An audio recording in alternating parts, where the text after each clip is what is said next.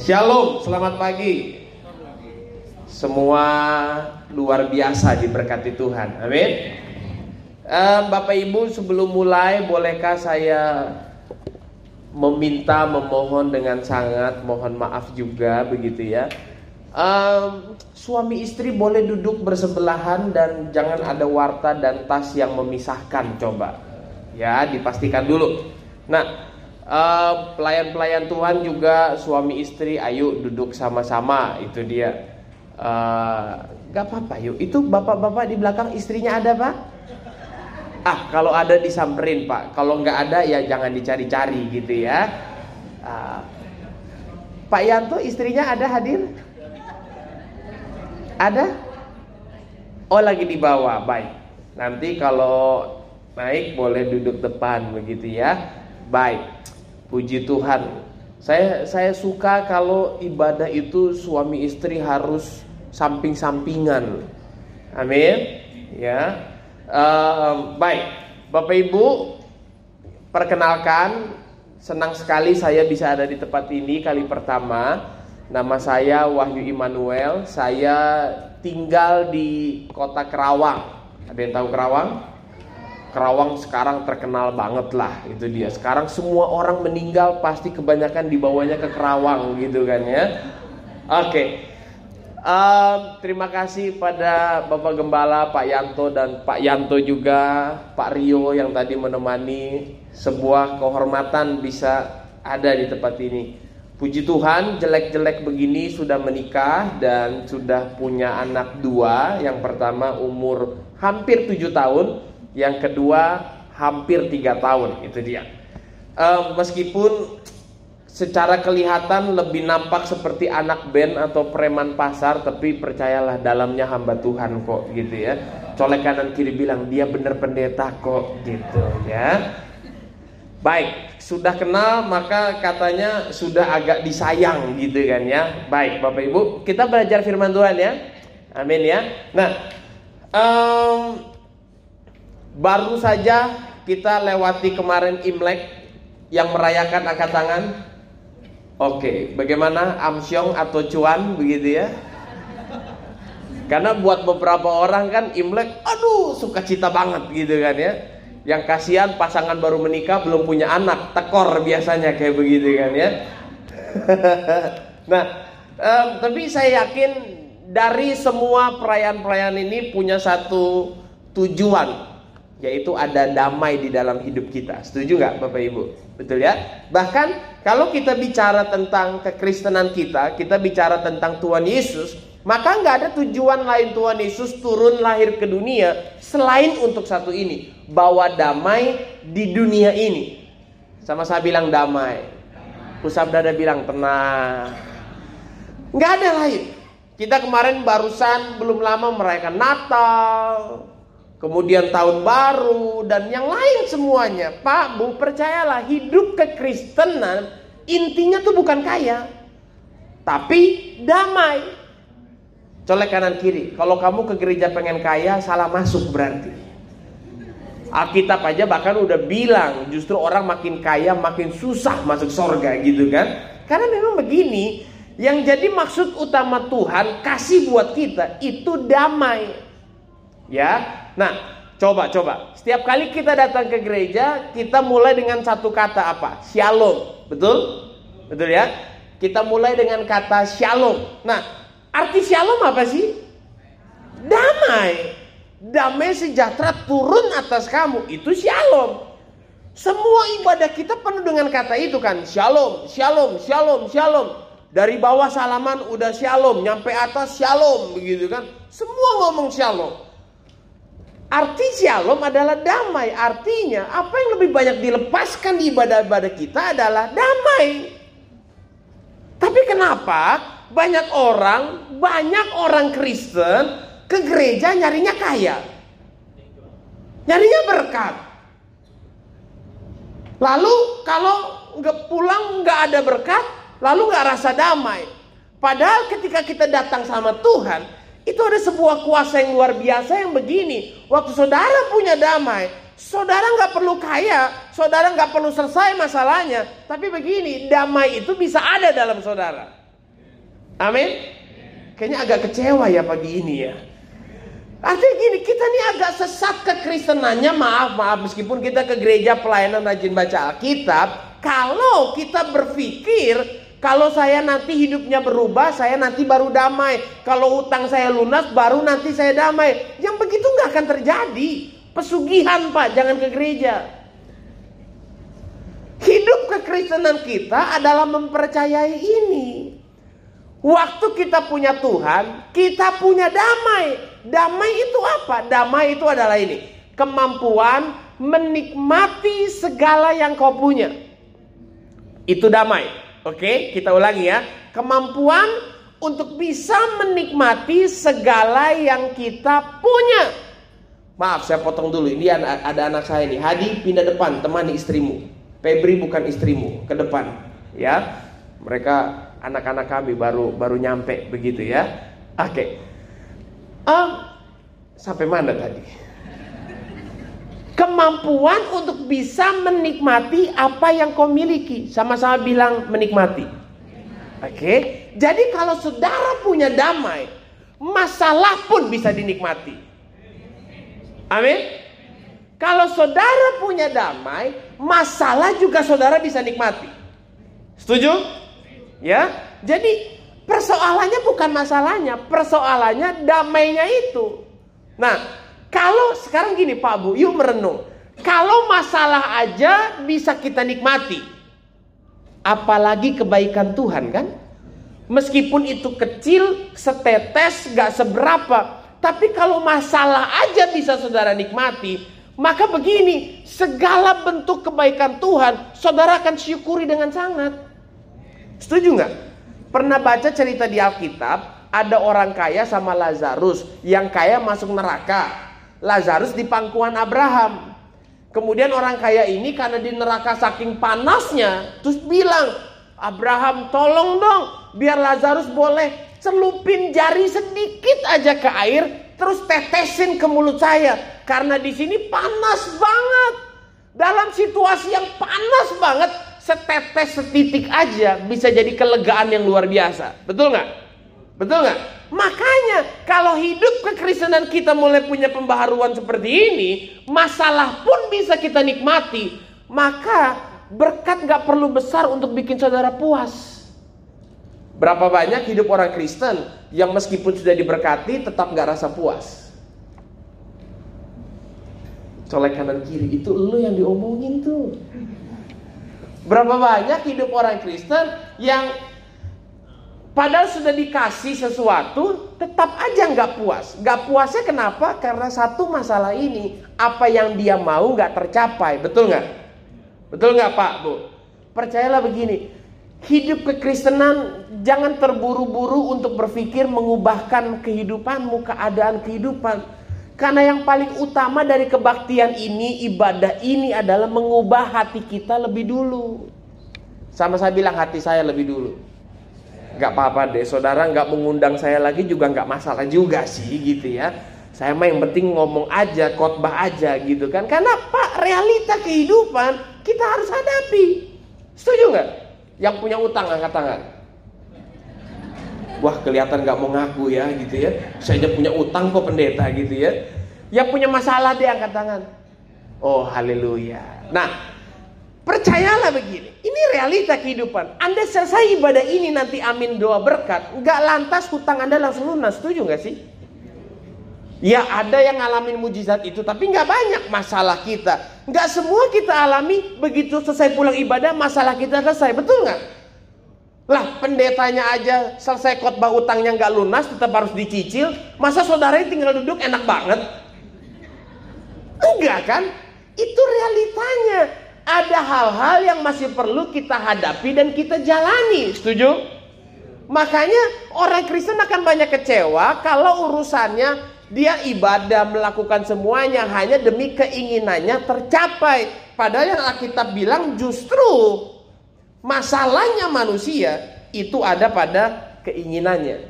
Coba Yakobus 4 ayat yang pertama. Yakobus pasal yang keempat ayat yang pertama. Alkitab berkata begini, Dari mana datangnya sengketa dan pertengkaran di antara kamu? Apa itu sengketa dan pertengkaran? Keributan, perkalia, perkelahian, marah. Semua yang bikin damai nggak ada di hati kita. Setuju? Ya. Dari mana datangnya? Apakah kita bilang dari hutang-hutangmu? Dari rumah mertuamu? Dari rumah menantumu yang setiap kamu datang kamu dicembututin dan ngadu yang aneh-aneh sama anak kita? Dari mana datangnya? dari hawa nafsu yang tinggal berjuang di mana? Di tubuh kita. Nah, perlu kerendahan hati untuk mengakui ini. Kita sering kali berpikir masalah saya cuma satu, Pak. Saya nggak punya duit, saya nggak punya kerjaan, saya punya utang, anak saya, yang lain semuanya. Tapi jarang sekali kita mengakui ini bahwa masalah saya satu, Pak. Ego saya terlalu besar. Kesombongan saya, Pak hawa nafsu, Pak. Makanya itu menyebabkan Anda di dalam hati Anda banyak sengketa dan pertengkaran. Colek kanan kiri bilang begini, udah iyain aja. Ini kan kita bilang. Setuju nggak Pak? Setuju nggak Bu? Udah yuk, 2020 sedikit baiklah sama setan. Jangan terus nyalain setan. Semua setan.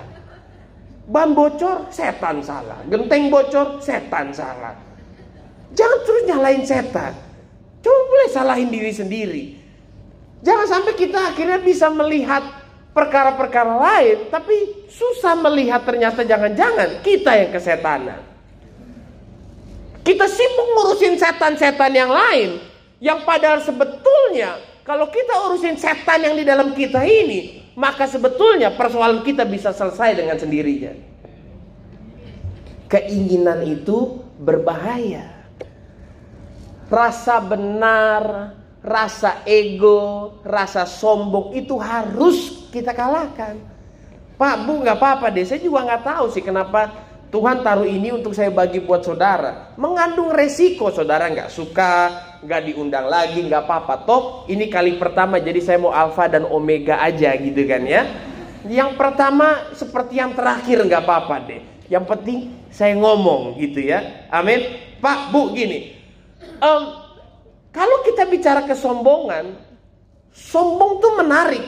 Karena begini, semua kesalahan yang lain ya, mencuri, membunuh, selingkuh. Kira-kira orang sadar nggak kalau itu salah? Sadar. Orang bisa tahu itu nggak baik. Tapi kesombongan ini orang nggak pernah sadar. Betul nggak? Orang sombong nggak sadar kalau dia sombong. Orang kalau mulai begini, oh iya, saya sombong ya. Nah berarti dia mulai rendah hati tuh. Ketika dia mulai bisa mengakui dan menyadari, saya sombong, berarti dia rendah hati. Orang sombong tuh kalau dia bilang begini, kamu sombong, pasti akan enggak. Nah yang begini sombong. Orang sombong marah kalau dibilang sombong. Coba bilang kanan kiri, kamu sombong. Terus lihat mukanya. Kalau dibilang sombong dia kayak agak-agak bagaimana, sombong berarti betul. Nah, makanya ibadah ini gunanya adalah mengingatkan kita, amin Mengingatkan. Bertobat saudara kalau setiap ke gereja marah setiap diingatkan. Dikotbahin marah karena diingatkan. Kalau dengar khotbah lalu ada rasa-rasa nggak enak, udah itu berarti Roh Kudus. Kurang amin kalau yang begitu kan ya. Ya. Tapi ya, ibadah ini gunanya adalah saling mengingatkan. Pak Bu, saya juga waktu menyampaikan ini, saya pun lagi mengingatkan diri saya sendiri juga. Karena keinginan ini jahat. Nah Alkitab kasih jalan buat kita. Perkataan Yesus dalam Lukas pasal yang ke-14 ayat 33 bicara seperti ini. Lukas pasal 14 ayat 33. Demikian pula lah tiap-tiap orang di antara kamu yang tidak melepaskan miliknya dari segala miliknya. Alkitab bilang nggak bisa jadi muridku. Saudara mau jadi murid Yesus? Bukan cuma rajin kebaktian. Persoalannya ada di hati saudara, bukan di fisik saudara. Ada orang badannya rajin banget pelayanan, tapi hatinya terikat banget dengan apa yang jadi miliknya. Setuju nggak? Setuju nggak Pak Bu? Ada orang rajin kebaktian tapi ternyata kebaktiannya hanya untuk supaya dia bisa memiliki sesuatu. Padahal kita bilang adalah siapa pun yang gak melepaskan dirinya dari segala miliknya gak bisa jadi murid Yesus. Nah tenang dulu Pak Bu. Kalau Alkitab bilang lepas diri bukan berarti Tuhan suruh kita gak punya apa-apa. Bukan berarti Tuhan suruh kita miskin melarat gak punya apa-apa. Bukan. Tapi Tuhan lagi kasih tahu begini, hatinya kita nggak boleh terikat sama hal yang lain selain daripada Tuhan itu sendiri. Karena terikatnya hati kita itu yang akan menyebabkan banyak masalah dan ketakutan di kita. Nah, oke, okay. yuk coba bayangkan sesuatu. Bayangkan ya. Saya mau tanya dulu, yang punya mobil angkat tangan? Oke, okay. mungkin agak salah nanya. Motor, motor. Oh oke, okay. ya ya ya. Motor lebih, ya yang ini baru saya punya pak. Iya iya kan hanya kan gitu kan ya. Oke kita bayangkan motor lah. Anda nabung, kerja dan akhirnya Anda bisa beli ini motor kesayangan. Motor impian. Anda beli, Anda sayang banget masih grass, masih baru. Karena masih baru, tiap hari dilap kan, dirawat ya. Terus motor baru ini dipinjam sama teman Anda dipinjam dan Anda tahu teman Anda ini jago banget nyetirnya Pak. Saking jago nyetirnya nggak pernah kecelakaan Pak. Saking jago nyetir nggak pernah kecelakaan, ngebut terus Pak di jalan Pak. Pertanyaannya, yang lebih deg-degan yang di rumah atau yang nyetir? Yang di rumah. Kenapa? Motor gue soalnya kan. Dia ada rasa memiliki di sana. Betul? Sementara yang harusnya harusnya kalau yang lebih dekat dengan celaka kan yang di jalanan kan. Tapi kenapa bisa yang lebih ketakutan di rumah? Hati yang punya rasa memiliki. Saudara kalau masih nggak percaya pinjam handphone sebelahnya lempar-lempar gini. Lihat siapa yang lebih pucat itu dia. Makanya Alkitab udah bilang. Kalau saudara mau alami Yesus nggak bisa lain hatimu nggak boleh terikat sama hal-hal itu. Ketika saudara terlepas ikatan hatimu sama hal-hal yang engkau inginkan dan kau miliki itu, maka damai Tuhan bisa ada di situ. Oke, kalau masih nggak percaya kita lihat lagi. Yakobus 1 ayat 12. Yakobus 1 ayat 12. Berbahagialah orang yang bertahan dalam pencobaan sebab apabila ia sudah tahan uji ia akan menerima mahkota kehidupan yang dijanjikan Allah kepada barang siapa yang mengasihi dia 13 apabila seorang dicobai janganlah ia berkata pencobaan ini datang dari Allah sebab Allah tidak dapat dicobai oleh yang jahat dan ia sendiri tidak mencobai siapa pun jadi Jangan gampang untuk berkata, "Iya, ini ujian dari Tuhan." Belum tentu. Nah, Bapak Ibu pernah pernah pernah mengalami ini enggak? Yang karena sebuah keinginan saudara, saudara mau paksakan keinginan itu, buat kita kadang-kadang jadi gelap mata. Setuju gak? Keinginan-keinginan manusia kadang saking kepengennya akhirnya dia gelap mata, dia akhirnya ceroboh, dia akhirnya maksain, dia akhirnya nekat ngelakuinya. Dan setelah itu akhirnya ada konsekuensi yang harus dihadapi. Ketika konsekuensinya datang, lalu memang ini naturnya manusia. Coba-coba yang manusia angkat tangan. Oke, berarti ini kita. Ini kita kebanyakan. Udah kita yang bikin salah, kita juga yang sombong. Sombongnya dengan apa? dengan akhirnya berkata, "Ya, ini Tuhan izinkan terjadi sama saya. Ya, proses ini Tuhan Tuhan izinkan terjadi sama saya." Itu kita bilang, jangan gampang dari mulutmu berkata Tuhan yang izinkan ini. Karena di ayat berikutnya dikatakan tetapi tiap-tiap orang dicobai oleh keinginannya sendiri. Keinginan itu menyeret dan memikat dia. Bukan Tuhan, keinginan. Semua yang terjadi dalam saudara adalah hasil daripada keinginan-keinginan yang tinggal dalam hatimu. Sama saya bilang gini, setan itu jahat.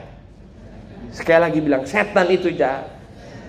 Terus bilang kanan kiri bilang, tapi keinginan kamu lebih jahat. Keinginan menyeret, memikat. Contoh, contoh, contoh. Udah tahu nih dia darah tinggi, kolesterol, asam urat. Ya, udah tahu. Kemarin babi hong sikat sana sini. Babi panggang hajar sana sini. Apalagi itu juhi hajar. Ayo, apalagi semua babi-babi. Memang babi itu enak semuanya. Yang gak enak cuma satu pak, dikatain babi itu doang yang gak enak. Yang lain enak semua. Meskipun udah pakai darah Yesus juga, darah tinggi tuh nggak turun pakai darah Yesus. Minum amlodipin baru turun. Simvastatin, alpurinol baru turun. Kita paksa tapi makan hajar terus, nekat aja udah. Akhirnya stroke. Begitu udah stroke baru bilangnya apa? Ya ini Tuhan izinkan terjadi. Yang sebetulnya ulah siapa? Ulahnya sendiri kan? Contoh lagi, contoh, contoh. Ini ada satu anak kami, ada satu anak kami naik motor ngebut, ngebut, ke mana-mana ngebut. Kita udah bilang sekali, jangan ngebut, masih ngebut dua kali, jangan ngebut, masih ngebut tiga kali, masih ngebut, akhirnya kecelakaan. Begitu kecelakaan, retak kaki. Begitu retak kaki, rohani banget pak ngomong, ini Tuhan berbicara sama saya. Tuhan gak bicara lewat kecelakaan. Tuhan tuh berbicara tiga kali sebelumnya saya ngomong sama kamu. Kamu gak dengar. Entah entah otak kamu loadingnya lama atau kupingnya rada mudah. Karena baru dengarnya pas kecelakaan. Yang sebetulnya Tuhan gak pernah bicara lewat kecelakaan saudara. Tuhan gak pernah bicara lewat masalah saudara. Tuhan gak pernah bicara lewat apa yang kau alami sekarang. Karena pasti Tuhan sudah berbicara jauh sebelum itu terjadi. Hmm. Hmm. Susah memang untuk mengakui itu. Tapi kalau kita mau jujur merenung, coba deh. Pasti Tuhan berbicara jauh sebelum itu terjadi. Tapi yang sebelum itu kita ah apa sih ah gak nggak bisa positif deh pikirannya. Ah, nggak punya iman deh. Ah, nggak bisa percaya deh. Kita sepelekan, kita abaikan. Begitu dang terjadi sesuatu, iya, ini Tuhan bicara sama saya. Tuhan nggak bicara, lu budek.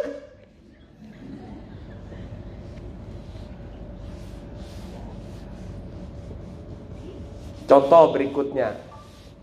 Contoh berikutnya. Yang belum menikah angkat tangan coba. Saya tiba-tiba tergerak untuk yang belum nikah, belum nikah angkat tangan yang tinggi. Iya, nggak apa-apa. Oke, enggak. Yang belum menikah, ingat ya.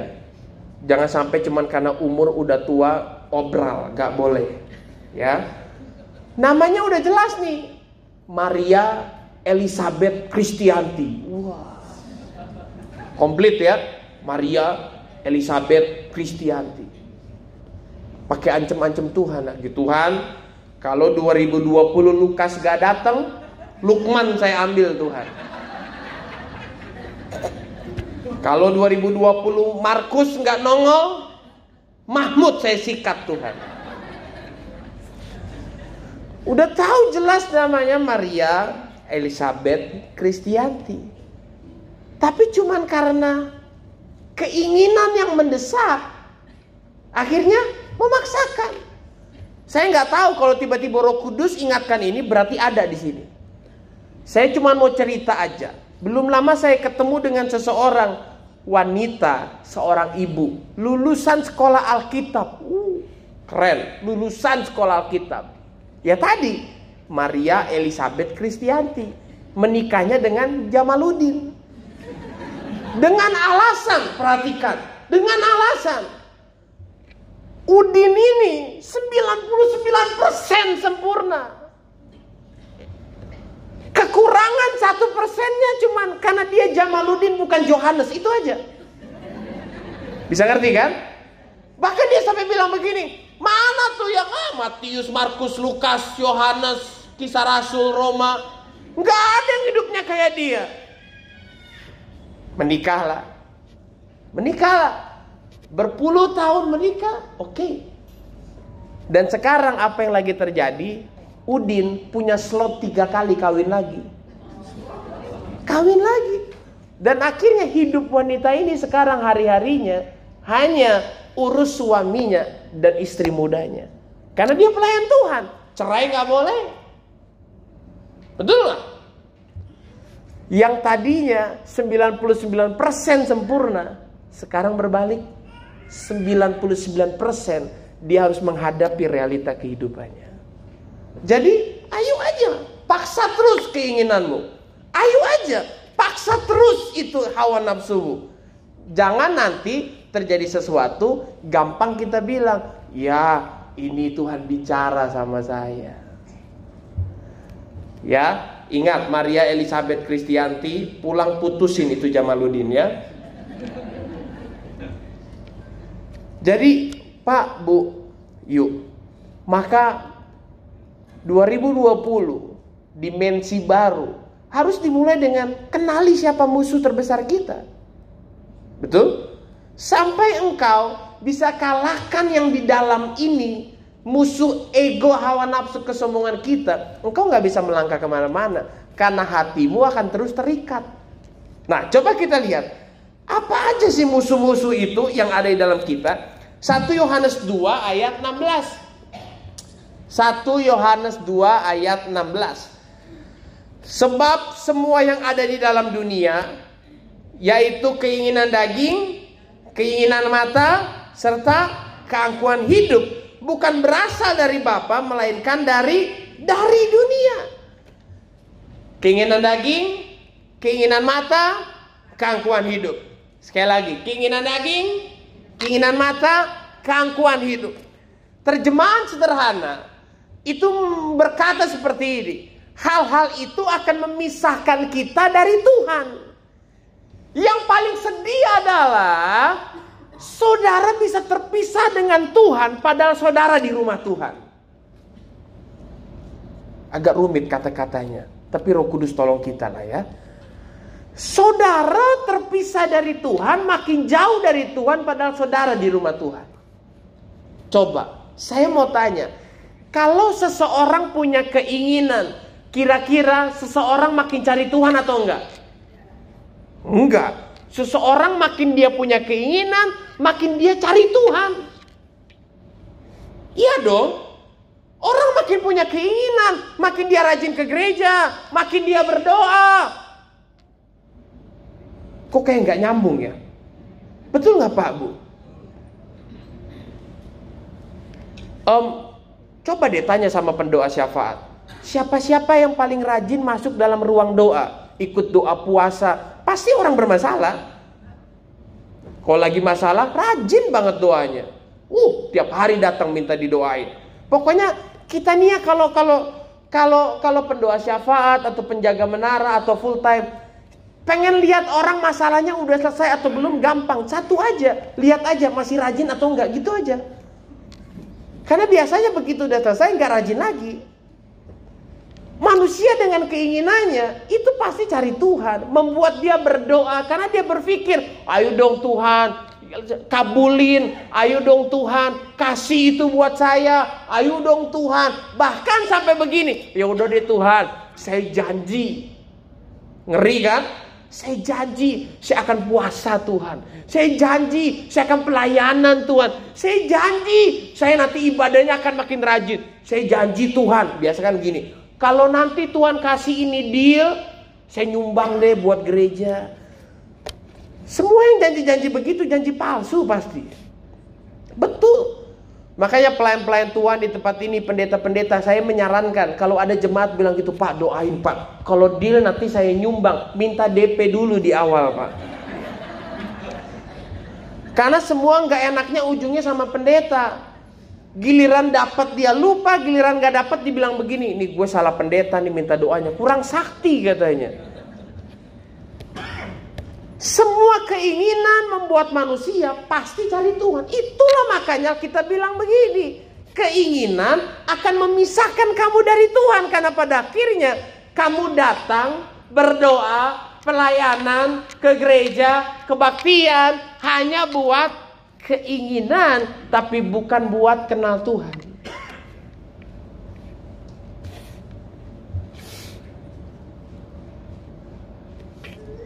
Gak apa-apa, hening sejenak supaya berpikir sejenak gitu. Seringkali sebetulnya begitu. Makanya kita harus waspadai keinginan ini. Pak, Bu, saya pun kalau merenungkan keinginan ini, aduh, kita susah lolos dari sini. Kalau nggak betul-betul kita mau rendah hati, lemah lembut, memeriksa kedalaman hati kita, kita bisa terjebak dalam keinginan ini. Yuk lihat satu-satu keinginan daging. Keinginan daging adalah keinginan jahat yang berasal dari dalam tubuh manusia untuk menjadi yang paling. Itu terjemahan sederhana yang berasal dari New Living Translation. Keinginan jahat yang berasal dari tubuh manusia untuk jadi yang paling. Paling apa aja yuk? Hmm?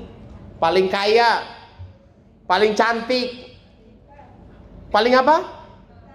Paling pintar, paling benar, paling pengen dimengerti.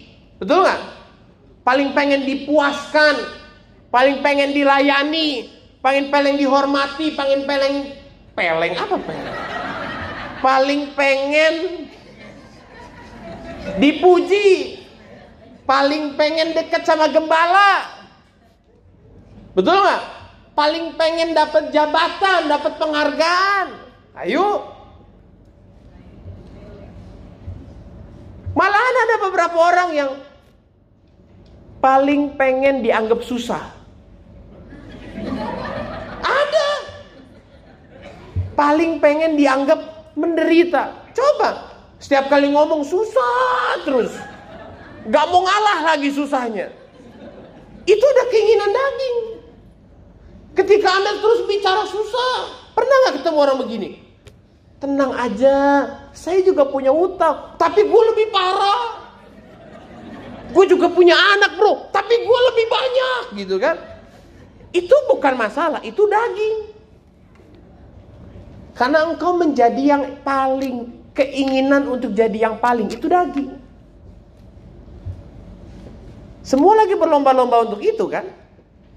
Betul nggak? Berlomba-lomba untuk itu.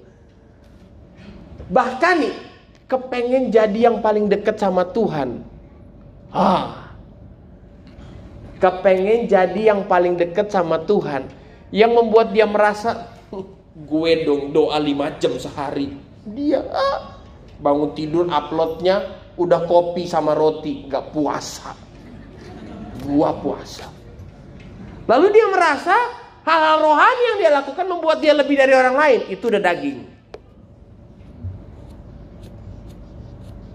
pendeta juga sama pengen jadi yang paling terkenal paling di endorse paling di paling laku sama lalu kita pelayanan Seakan-akan pertanyaan di antara pendeta-pendeta, kamu udah khotbah di mana? Kamu udah khotbah di mana? Seakan-akan berhasilnya pendeta kalau udah masuk gedung-gedung tertentu, itu udah daging.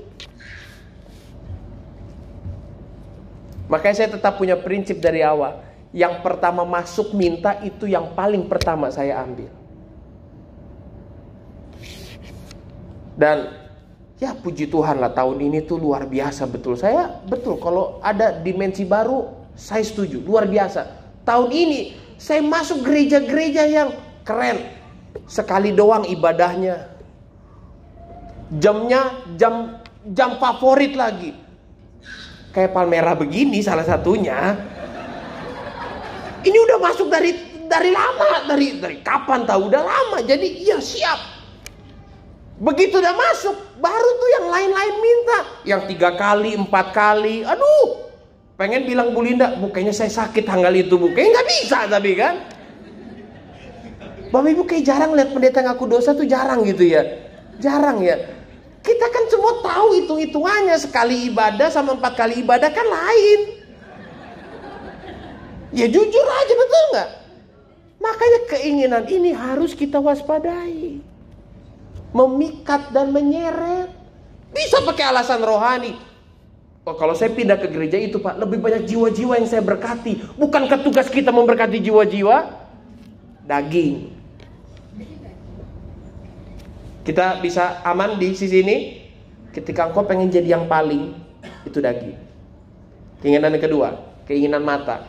Apa keinginan mata? Keinginan memiliki semua yang bisa dilihat dengan mata.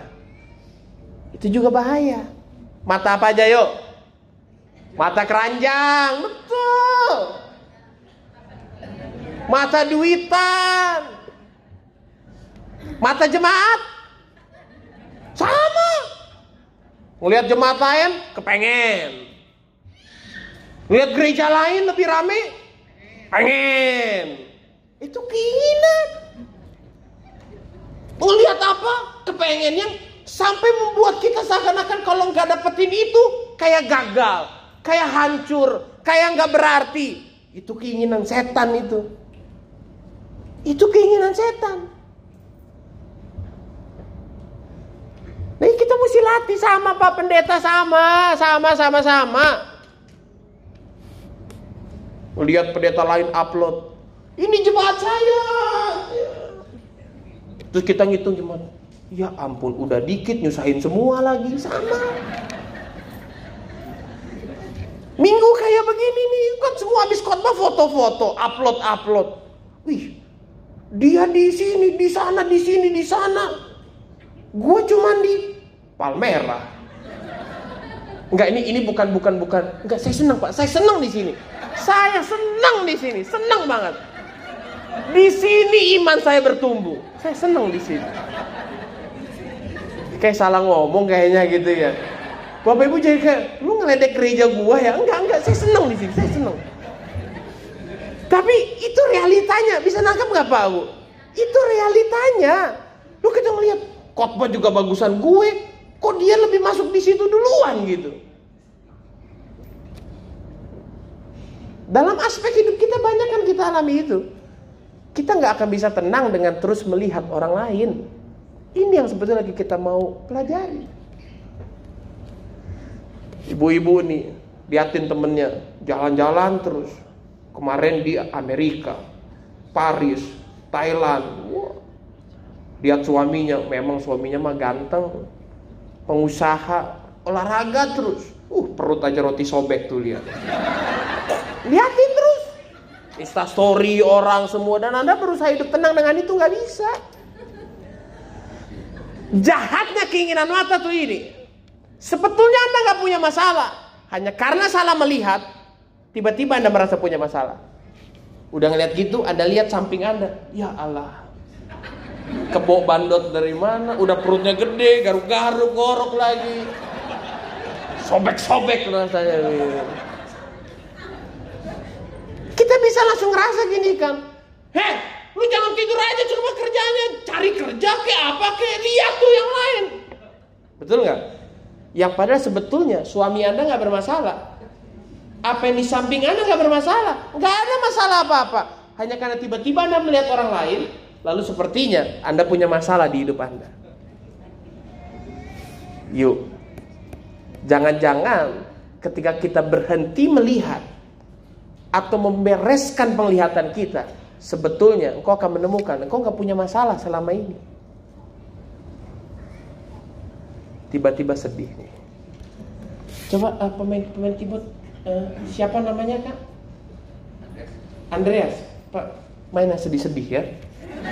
Agak sedih rasanya. Keinginan daging, keinginan mata. Oke, yang terakhir nih, keangkuhan hidup. Keangkuhan hidup. Keangkuhan hidup apa? Perasaan sombong karena memiliki sesuatu siap sedih banget gitu ya lanjut lanjut lanjut lanjut, bukan hanya tentang punya harta punya kemewahan tapi kadang punya masalah bisa bikin orang jadi angkuh. Ketika dia berpikir, gue korban, gue nggak salah, gue yang difitnah, gue yang dihakimi. Lalu dia nggak mau lepasin itu, itu membuat dia merasa benar, merasa layak untuk dibela, merasa layak untuk yang diperhatikan. Itu pun keangkuhan hidup. Kadang-kadang kita bisa kan ngelihat hidup kita diproses, ngelihat hidup orang lain gak diproses. Lalu kita merasanya apa? Kok dia enaknya begitu Tuhan? Itu juga udah termasuk keangkuhan hidup sebetulnya. Hanya karena engkau mengalami sesuatu proses, engkau bisa jadi angkuh karena itu. Makanya tiga keinginan ini Alkitab bilang, kalau enggak kita waspadai, ini bisa menjebak siapa pun di antara kita tanpa terkecuali. Bukan berarti kita nggak bisa menang, kita pasti menang, tapi kita harus rendah hati untuk memeriksa kedalaman hati kita. Berani jujur dan mengakui kedalaman hati kita karena tanpa kita bereskan tiga ini, Anda nggak bisa punya rasa damai. Anda hanya akan terus terikat dan terikat di hatimu. Coba, yang anak Tuhan angkat tangan. Wow, luar biasa. Sekarang turun. Pertanyaan yang nggak perlu Anda jawab, tapi renungkan aja. Tadi yang angkat tangan, saya anak Tuhan, Pak. Pertanyaannya, yang bikin Anda yakin Anda itu anak Tuhan apa? Saya Kristen pak, oke. Saya pendeta, oke. Saya dibaptis pak. Saya pelayan. Yuk lihat Matius 5 ayat 9. Alkitab bilang gini. Berbahagialah orang yang membawa damai. Damai adalah kenikmatan atas segala sesuatu. Kau bawa damai, kau bisa bahagia. Berbahagialah orang yang membawa damai. Jadi bahagiamu karena ke mana-mana kau bawa damai. Kau bawa damai nggak bawa handphone, berbahagia. Kau bawa damai nggak bawa motor, bahagia. Kau bawa damai nggak bawa duit, bahagia. Kau bawa damai tapi nggak bawa mobil baru, tetap bisa bahagia. Dan kita bilang orang yang bisa berbahagia karena bawa damai, inilah yang disebut anak-anak Kamu pendeta, pelayan, saya juga pengkhotbah. Tapi kalau nggak bisa belajar bahagia karena damai, berarti bukan anak Tuhan. Ngeceknya cuman yang pertama ngeceknya nih pembawa damai, ya sama saya bilang pembawa damai. Pembawa damai ngeceknya, Anda harus jadi orang yang disenangi. Anda pergi ke mana, di situ orang senang. Anda pulang orang sedih. Udah belum? Atau jangan-jangan kebalik. Anda datang orang sedih. Anda pulang orang senang. Coba cek di rumah. Anda pulang ke rumah, masih nggak orang rumah senang dengan kepulangan Anda? Anda pulang, masih nggak anak-anakmu manggil, Papa, Mama? Atau jangan-jangan Anda pulang, semua masuk kamar masing-masing? Pertanyaan. Anak-anakmu bangun tidur. Meskipun mengganggu, tapi masih nggak mereka teriak cari kita? Kalau mereka cuma pagi bangun, Papa udah pergi belum? Udah. Oh, puji Tuhan.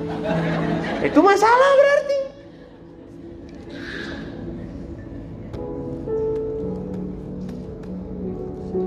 Membawa damai harus disenangi di mana-mana. Amin. Suami pulang, bilang sama istrinya, Ma, aku harus pergi keluar kota tiga hari. Kalau istrimu nangis, Tanya, kenapa nangis? Gak bisa tiga minggu pak, gitu ya, berarti bahaya. Itu kita mesti, mesti, mesti lihat kembali hidup kita, keberadaan kita, masih kan disenangi. Berikutnya nih pembawa damai. Di mana engkau ada tempat itu harus jadi lebih baik karena ada Anda di situ. Makanya saya mau sungguh-sungguh di sini juga. Karena saya datang minimal tempat ini harus bisa jadi lebih baik meskipun sedikit tapi lebih baik. Kehadiran kita di gereja ini membuat jadi lebih baik kan? Tuh jangan-jangan di pikiran gembala saudara ada begini. Mau ngusir takut dosa, tapi tetap di sini nyusahin. Kita renungkan itu. Jadi lebih baik. Sama saya bilang bawa damai. Paling terakhir nih.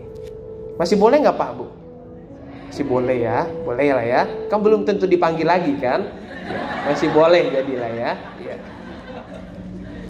Paling terakhir. Ini harus jadi latihan buat kita. Ini jadi praktek latihan buat kita. Efesus 4 ayat 32.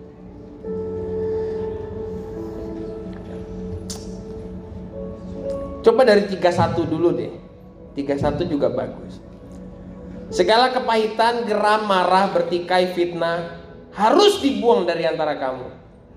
Demikian pula segala kejahatan Artinya gini, Anda nggak bikin jahat apa-apa, tapi hatimu pahit, geram, marah, bertikai, itu udah kejahatan di mata Tuhan. Ya, ayat 32. Nah ini ah, kita bilang, tetapi hendaklah kamu ramah seorang terhadap yang lain. Stop di sini. Sama saya bilang ramah. Praktek latihan pulang, jadilah orang yang ramah. Senyum coba, senyum kanan kiri senyum. Nah. Anda ini udah senyum aja masih serem loh, apalagi nggak senyum. Yuk ramah dong. Ramah, sapa, salam itu latihan kita. Jangan banyak doa tapi ketemu orang nggak nyapa, sama aja itu, nggak ramah. Jangan cuman eh eh anda stroke atau gagu? Coba belajar selamat pagi, siang, sore, malam, apa kabar? Ketemu siapa? Tuhan berkati, terima kasih banyak. Ramah. Penginjilan harus hidup kembali. Penginjilan yang mulai dari mana? Dari engkau menjadi ramah. Jadi mudah disentuh orang lain. Anda nggak perlu terima Yesus, terima Yesus, terima Yesus. Dengan Anda berkata, selamat pagi, gimana kabar kamu? Ada tukang parkir, ada tukang jaga hotel. Anda ketemu banyak orang setiap hari. Gimana kabarnya hari ini? Apa kabar? Jadi ramah nggak? Kurang ajar dia tuh. Dia nggak nyapa padahal udah ngelihat gue. Yang kurang ajar bukan dia, kita nih. Udah ngelihat duluan nggak mau nyapa. Betul nggak? Saya sungguh, saya belajar banget praktek ini dari istri saya. Istri saya tuh ya ampun. Sekarang tuh penginjilannya gila-gilaan. Hanya mulai dari ramah. Halo Pak, apa kabar? Bu, apa kabar? Tuhan berkati ya, beli apa? Tuhan berkati, Yesus berkati ya, Yesus sayang sama kamu ya. Iya, ditolak sering, kena marah sering. Tapi berkali-kali juga Tuhan lawat jiwa hanya dimulai dari ramah. Doakan orang di mall, doakan orang di mana, orang terima Yesus di mana. Mulai dari ramah.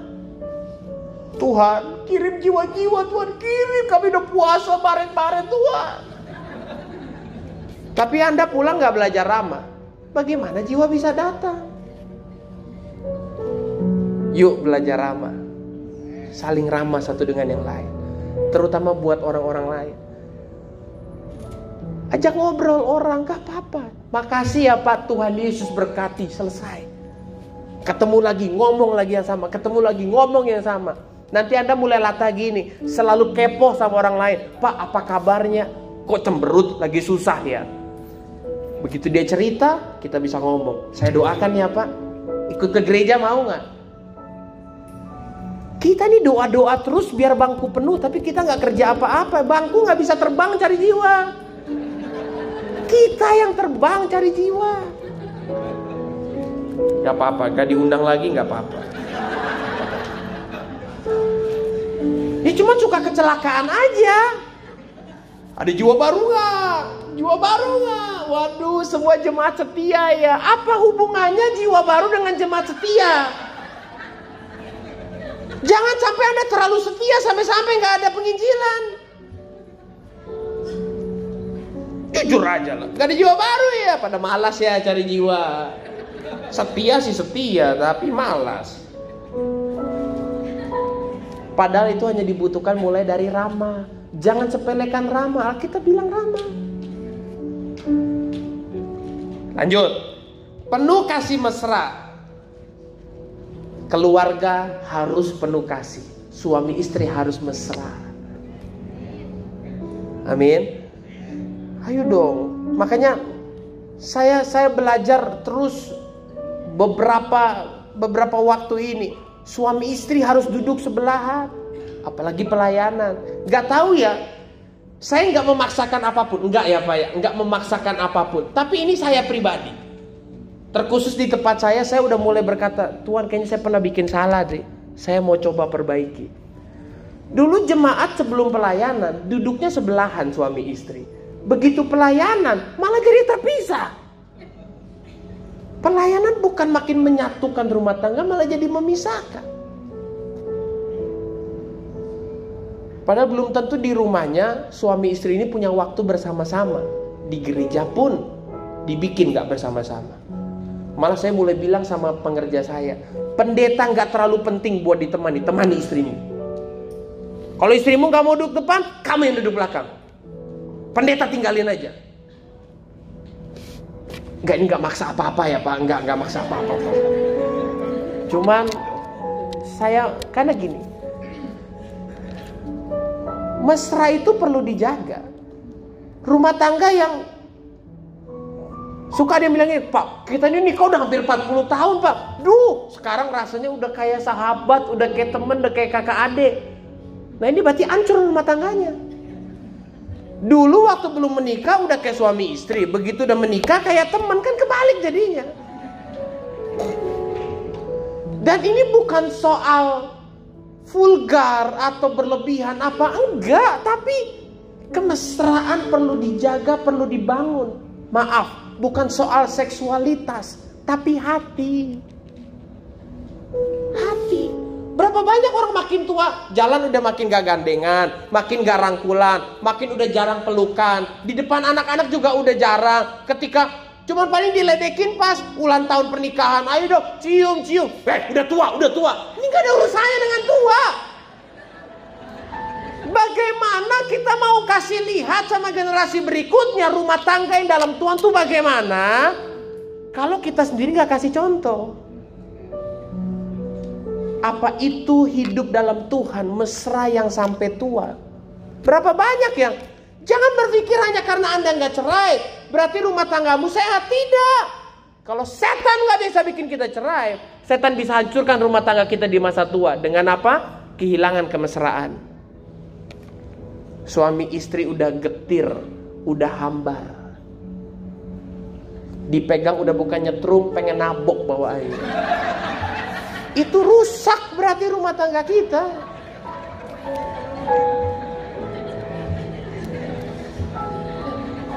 Jangan jangan itu pikiran setan yang wah masih pengantin baru, masih panas, wajar. Kata-kata berikutnya pasti lanjut lanjutannya apa? Lihat aja nanti kalau udah puluhan tahun. Itu kan kutuk begitu tuh. Betul gak sih? Bukankah rumah tangga kita dalam Tuhan? Makin hari makin manis, bertambah manis. Betul nggak? Ayo suami istri, kita latih. Mesra lagi sama istri. Mesra lagi sama pasangan. Amin. Bikinin kopi tiap hari, pakai gula lah. Jangan pakai ludah gitu ya biar nurut katanya semua dimulai dari apa balik lagi Tiga kata yang harus kita kuat ada. Ya. Bukan puji Tuhan, haleluya darah Yesus, bukan. Minta tolong, minta maaf, terima kasih. Jangan saking sering kita bahasa roh lupa bahasa ini yang minta tolong, minta maaf, terima kasih. Ma, maaf, boleh nggak minta tolong bikinin Indomie? Jangan, heh, apakan dulu itu? Coba panggil pasangannya sayang, Hani, Ma, jangan, hahe, hahe, hahe. Jangan ketawa Pak mau bertobat. Ini saya serius loh dari tadi. Kenapa pada ketawa begini? Kita harus mulai. Setiap kali salah khotbah kayaknya ini. Setiap kali udah dilakuin sesuatu bilang terima kasih. Coba kalau itu dilatih, berubah pasti. Gak usah banyak-banyak doa. Karena kita banyak doa tapi begitu pulang tetap egois, tetap sombong. Tetap kasar, tetap gak mau ramah, tetap gak mau mesra. Gak bisa. Yuk latihan ya. Latihan. Latihan. Suami kepada istri, istri kepada suami. Pasti ada perubahan dari situ. Hal-hal itu hanya akan bisa terjadi ketika yang ini kita lakukan. Kita berkata, saling mengampuni. Nggak ada hal yang baik di dunia ini bisa turun kalau nggak mulai dari saling mengampuni. Yesus turun ke dunia, lahir ke sini. Makanya perkataannya, dia sudah mengampuni kita lebih dulu. Belum tentu kita bertobat, belum tentu kita terima kasih sama Tuhan. Belum tentu kita balas kebaikannya Tuhan. Tapi dia memutuskan mau mengampuni lebih dulu. Hari ini, kau mau hatimu lepas dari ikatan? Mengampuni. Ini bukan soal siapa benar, siapa salah. Ini pertanyaan dasarnya adalah maukah hatimu alami damai? Sehingga kau bisa jadi pembawa damai. Mulai dari saling mengampuni. Yuk bangkit berdiri sama-sama. Bolehkah suami dengan istri berangkulan? Kalau ada anak juga boleh dipanggil, ditarik. Yuk. Bicara sesuatu jangan keras hati minta maaf, lepaskan damai pengampunan. Yuk, dengan masyarakat. Yang lain yang datang sendiri, tutup matamu. Tuhan juga ada buat kamu saat ini. Ya, WL gak usah maju dulu, urus istri lebih dulu ya. Di sini ada istrinya? Hah? Ada di rumah tapi, ya, nanti pulang ya, baru di ini ya. Singer-singer, kalau ada suaminya, nggak ada ya. Yuk tutup mata sama-sama. Yuk keluarga demi keluarga boleh nggak berangkulan, berpelukan. Semua diberkati Tuhan, amin. Bilang kanan kiri kamu diberkati Tuhan. Ya, terus lihat kanan kiri bicara sesuatu yang manis buat kanan kirinya. Yuk, bilang kamu ganteng, kamu cantik, jenggot kamu menarik gitu juga boleh gitu ya. Oke, pastikan kanan kiri saudara tersenyum duduk sama dengan saudara. Amin. Nah, um, siap belajar firman Tuhan? Amin. Semua semangat mau belajar firman Tuhan? Amin. Nah, kita ada di bulan Februari. Satu bulan udah kita lewati banyak hal Bapak Ibu Saudara lewati dan alami semuanya. Ada yang alami mujizat, ada yang belum, ada yang udah lihat um, sesuatu yang dahsyat terjadi, ada yang belum. Tapi semua itu realita dalam kehidupan kita, betul ya? Dan masih ada 11 bulan di hadapan kita menanti, itu dia. Nah, kita semua di sini anak-anak Tuhan, setuju? Coba yang anak Tuhan angkat tangan. Tanya kanan kiri, benar yakin gitu. Ya, semua semua anak Tuhan, oke? Okay? Maka ini harus menjadi dasar percaya kita. Kalau kita ini anak Tuhan, maka dia akan jadi bapa buat kita. Amin. Nah, mau tanya nih. Menurut Bapak Ibu, anak yang pelihara bapak atau bapak yang pelihara anak? Bapak yang pelihara anak, betul? Makanya berarti kalau kita berkata saya ini anak Tuhan, maka kata diberkati, dipelihara, dijaga, dilindungi, dijamin. Semua ini menjadi tanggung jawab dan urusannya Tuhan. Setuju? Ya. Betul? Nah, ini harus harus kita pahami, harus kita percayai bahwa diberkati dan disertai sama Tuhan itu adalah sebuah kepastian. Amin. Nah, kita nggak perlu repot lagi untuk urusan yang itu. Betul? Ya. Tuhan sama manusia yang lebih sering lupa siapa? Manusia. Makanya, yuk nggak perlu habiskan waktu, tenaga buat inget-ingetin Tuhan begitu, klaim-klaim sama Tuhan. Nggak, nggak usah. Karena itu perkaranya Tuhan. Kita nggak perlu mempersiapkan apa yang jadi bagiannya Tuhan. Nangkap? Oke. Maka yang perlu kita persiapkan sebetulnya adalah mentalitas kita apa yang jadi bagian kita, apa yang ada di diri kita itu yang kita perlu siapkan. Nah, khusus hari ini saya yakin lihat wajah saudara setengah malaikat semuanya. Maksudnya malaikat setengah, setengahnya lagi. Saya oke okay lah untuk iman, pengharapan, percaya aman udah semuanya. Bapak Ibu kelihatannya kayak sudah jago semuanya gitu ya. Tapi satu sisi ini yuk kita kembali persiapkan yaitu mentalitas. Sama-sama bilang mentalitas. Mentalitas apa? Sikap kita, sikap yang keluar dari hidup kita. Sama-sama bilang sikap saya. Mentalitas adalah sikap yang keluar dari hidup saudara ketika saudara menghadapi sesuatu, berjumpa dengan sesuatu, menemui sesuatu. Itu mentalitas. Bapak Ibu setuju dalam kehidupan kita nanti akan berjumpa dengan banyak hal. Amin.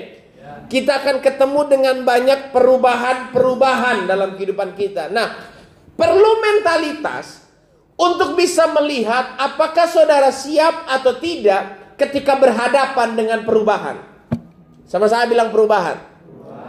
Nah, perubahan ada dua model. Model yang pertama adalah begini. Perubahan yang muncul dan terjadi sesuai dengan yang kita mau. Sesuai dengan yang kita inginkan. Doa apa dikabulkan. Minta apa dikasih. Kepengen apa terjadi.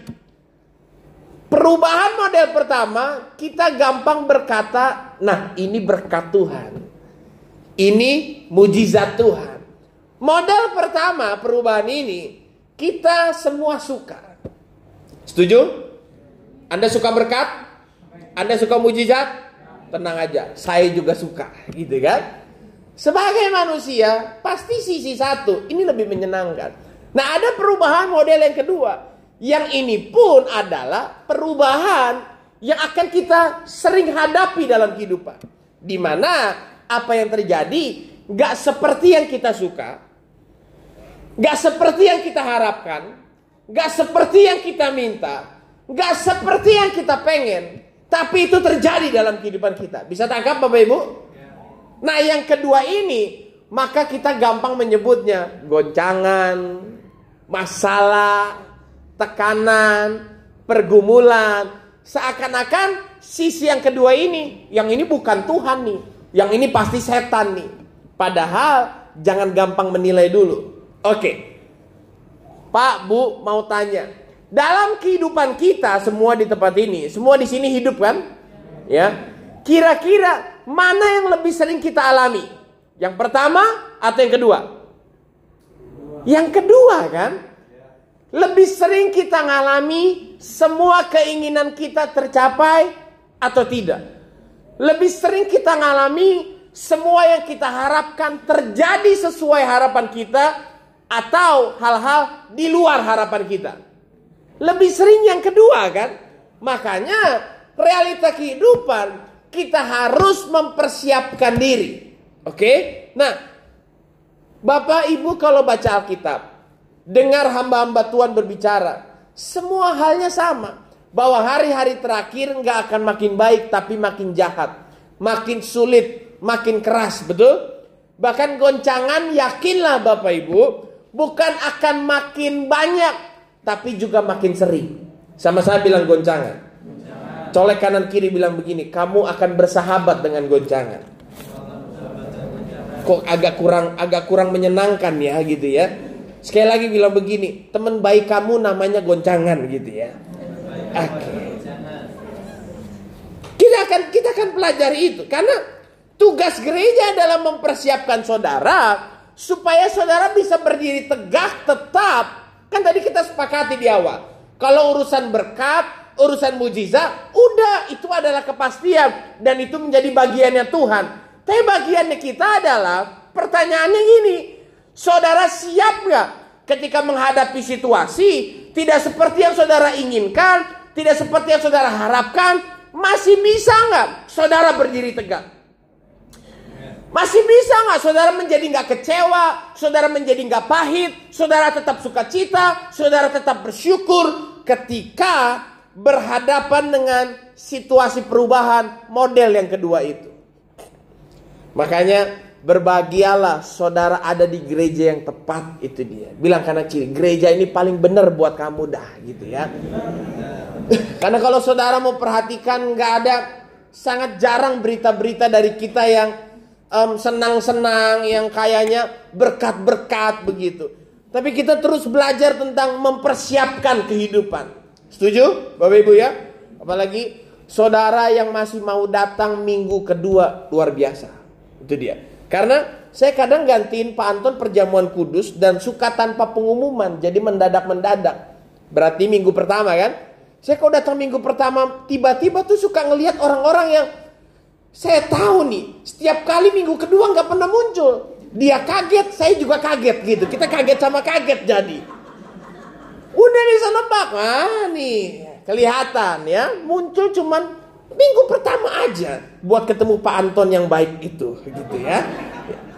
Tapi gini, buat saya nggak masalah karena kualitas kehidupan adalah urusan masing-masing kan. Betul saudara? Ya, dan um, tidak bermaksud untuk menyudutkan apa. Enggak, enggak, enggak. Tapi saya bisa melihat orang-orang yang suka makan firman Tuhan yang sehat kayak begini, mentalitasnya hadapin tekanan lain. Yang begini nggak gampang cengeng. Colek kanan kiri bilang, nangis boleh, cengeng nggak boleh. Oke, okay? ya Nangis boleh, tapi nggak boleh cengeng. Karena tangis itu perasaan. Kalau cengeng itu mentalitas. Lain gitu kan? Oke. Nah, um, yuk kita lihat Alkitabnya. Ibrani pasal yang ke-12 ayat 25. Tuhan berbicara jagalah. Kata jagalah berarti perhatikan. Nangkep nggak Pak Bu? Satu kata kalau Tuhan bilang jagalah berarti hati-hati. Lihat baik-baik, pikir renung baik-baik. Apa yang harus kita jaga, apa yang harus kita perhatikan supaya kamu jangan menolak dia yang berfirman. Kemudian jangan menolak, jangan berpaling dari dia yang berbicara dari sorga. Pesan Tuhan yang kuat. Jangan sampai kita menolak Tuhan yang berbicara, kita berpaling dari Tuhan yang lagi berfirman dari sorga. Bapak Ibu tahu berpaling? Berpaling tuh orang lagi ngomong kita menoleh, kita ngelengos gitu. Kita kayak, hah udahlah. Kita kayak sepelekan, kita kayak gampangin, kita nggak mau perhatikan. Itu berpaling. Oke, ayat berikutnya. Waktu itu suaranya menggoncangkan bumi, tetapi sekarang ia memberikan janji. Janji maksudnya apa? Akan ditepati, akan dikerjakan, akan dilaksanakan. Itu janji. Apalagi kalau yang janji Tuhan, dia nggak mungkin ingkar janji. Setuju? Nah janji Tuhan apa? Satu kali lagi aku akan menggoncangkan bukan cuma bumi saja melainkan langit juga. Jadi apa yang jadi janjinya Tuhan? Goncangan juga. Kurang amin ya kalau begini ya. Kalau kita bilang ku percaya janjimu ajaib, bukan cuma berkat-berkat aja yang bikin saudara tambah motor, tambah mobil, tambah uang, naik gaji, bukan. Tapi juga salah satunya ini, goncangan pun termasuk paket janjinya Tuhan. Makanya kalau lihat Alkitab, lihat janji Tuhan, lihat tuh ada tulisan kecil di bawah syarat dan ketentuan berlaku. Paketnya komplit, nggak boleh saudara ambil yang saudara mau aja. Termasuk ini, ada goncangan yang merupakan janjinya Tuhan. Haleluya ya. Coba lihat ayat berikutnya. Ungkapan satu kali lagi menunjuk kepada perubahan. Perubahan pada apa yang bisa digoncangkan karena ia dijadikan. Ia di sini siapa? Goncangan itu tadi. Karena goncangan dijadikan supaya tinggal tetap apa yang tidak tergoncangkan. Jadi karena kita menerima kerajaan yang tidak tergoncangkan, Marilah kita mengucap syukur, beribadah kepada Allah dengan cara yang berkenan kepadanya, dengan hormat dan takut. Sebab Allah kita adalah api yang menghanguskan. Pasal 13 ayat yang pertama, maka itu nasihatnya adalah peliharalah kasih persaudaraan. Nah, dari firman yang kita baca tadi, ada hal penting yang harus menjadi sikap penting buat kita di dalam mentalitas kita. Yang pertama adalah begini. Jangan sampai kita dengar firman tapi gagal mendengar apa yang Roh Kudus mau bicara sama kita. Bapak Ibu, waktu dengar firman, pastikan juga harus mengerti Roh Kudus mau bicara apa secara pribadi sama kita. Jangan cuma sekedar ngerti pendetanya khotbah apa. Pendetanya ayatnya apa. Poinnya apa. Ada yang difoto-foto, diupload. Bukan itu. Jangan sampai saudara bisa nangkap yang pendeta mau ngomong, tapi nggak nangkap yang roh kudus mau ngomong. Makanya kita tambahin lagi. Waktu dengar firman, bukan cuma sekedar saudara mau dengar informasinya. Mau dengar khotbahnya. Tapi tolong perhatikan, buka hati. Taruh dalam hatimu, Roh Kudus mau bicara apa? Taruh dalam hati kita, nanya. Sama saya bilang nanya. Nanya, sama Roh Kudus. Setiap kali dengar firman, nanya. Roh Kudus mau bicara apa buat saya? Mau kasih pesan apa buat saya? Anda harus punya rasa itu dalam setiap ibadah kita. Amin? Karena gini, beberapa kali saya khotbah B, khotbah C, kemudian sharing sama orang, orang bisa ada yang bilang begini, saya dapatnya A lupa, kuat sekali. Yang saya suka bilang gini, saya nggak ada ngomong A lu, saya ngomong B dan C, tapi orang itu bisa bilang enggak, saya nangkepnya A. Ini yang begini, Roh Kudus. Betul? Orang ngomong apa?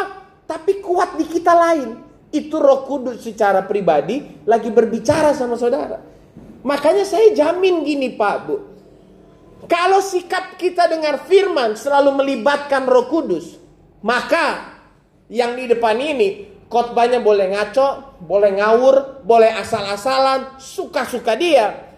Kalau setiap kali dengar firman, saudara berperkaranya sama Roh Kudus, Roh Kudus mau ngomong apa buat saya secara pribadi, maka begini, engkau nggak akan pernah pulang dengan sia-sia. Engkau akan bisa tetap mendengar dan menangkap Roh Kudus mau bicara apa yang pribadi buat saudara.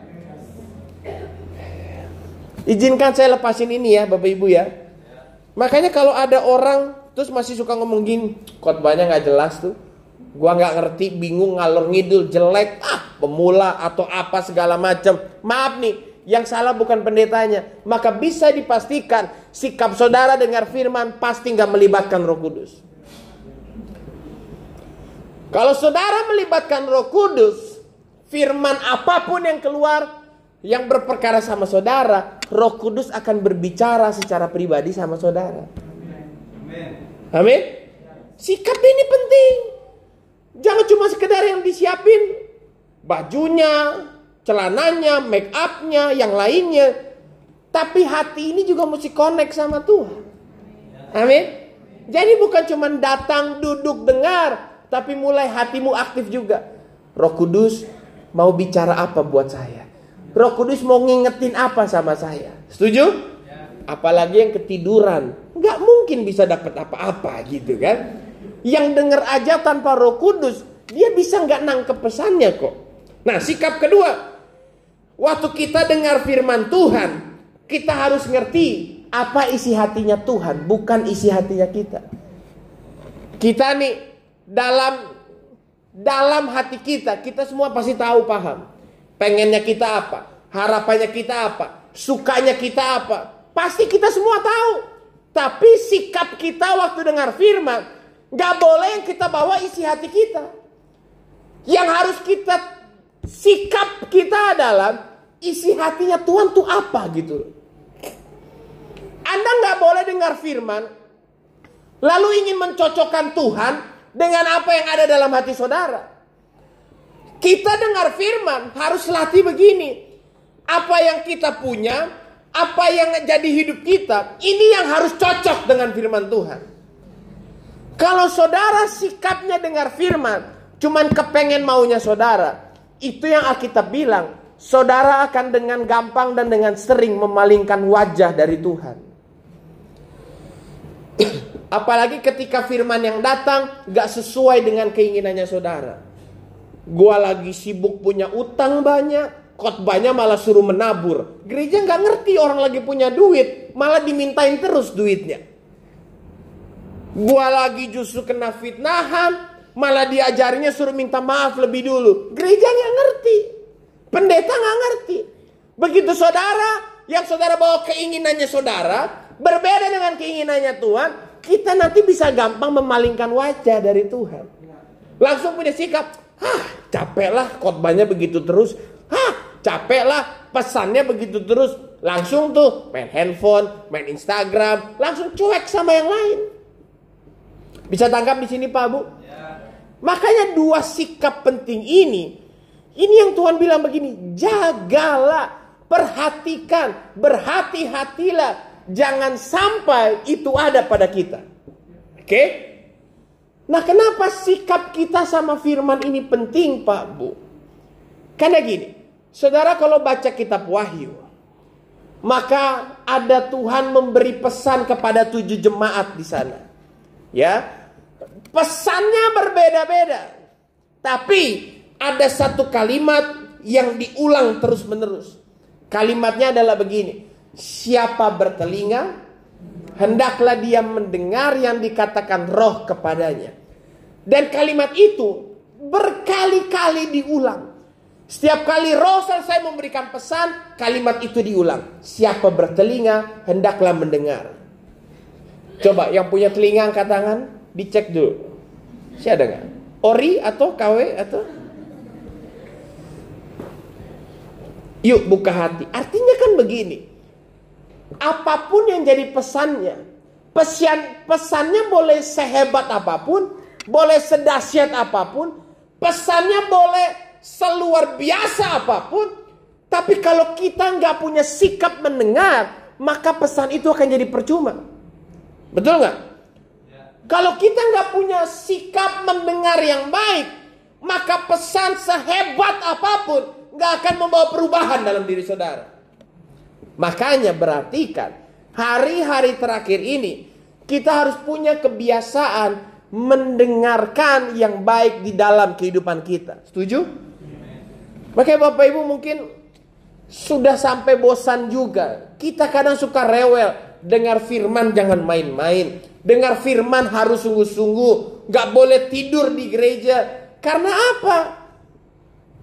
Apa yang menjadi kekuatan ibadah ini adalah pesan Tuhan.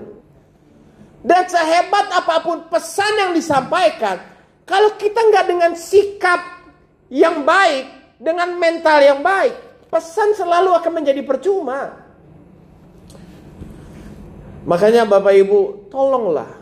Jangan sampai engkau kehilangan kualitas perhatianmu setiap kali dengar firman Tuhan.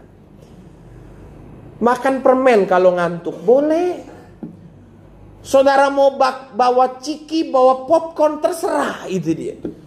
Saya nggak terganggu saudara makan di dalam gereja. Mau makan nasi padang juga boleh, silahkan terserah. Yang penting saudara dengar firman. Yang penting waktu dengar firman saudara bisa fokus gak ngantuk gitu loh. Ngerti gak? Bisa ikuti Pak Bu. Saudara mau minum, cuci muka, terserah. Yang penting waktu saudara punya waktu dengar firman, engkau bisa betul sungguh memperhatikan firman itu. Nangkep gitu pesannya. Ada sebuah sikap berusaha mau dengar firman sungguh-sungguh. Bukan sikap, udah untung gua ke gereja pak. Saya baru pulang kerja, langsung ke gereja lu. Yang seakan-akan asal anda udah datang, Tuhan harusnya sudah berterima kasih sama anda. Kurang ngajar namanya. Kurang ngajar betul. Kalau mental kita ke gereja kayak begitu. Udah untung saya datang loh pak. Masih diomel-omelin juga. Pulang kantor loh, pulang kerja loh. Kurang ngajar kalau sikap kita kayak begitu. Yang harusnya berterima kasih masih bisa pergi beribadah, kita bukan Tuhan. Kok kayak seakan-akan waktu kita datang, aduh, puji Tuhan dia datang. Aduh, akhirnya dia datang juga. Enggak lah. Kalau saudara ngantuk nih, ibadah pagi, datanglah ibadah siang.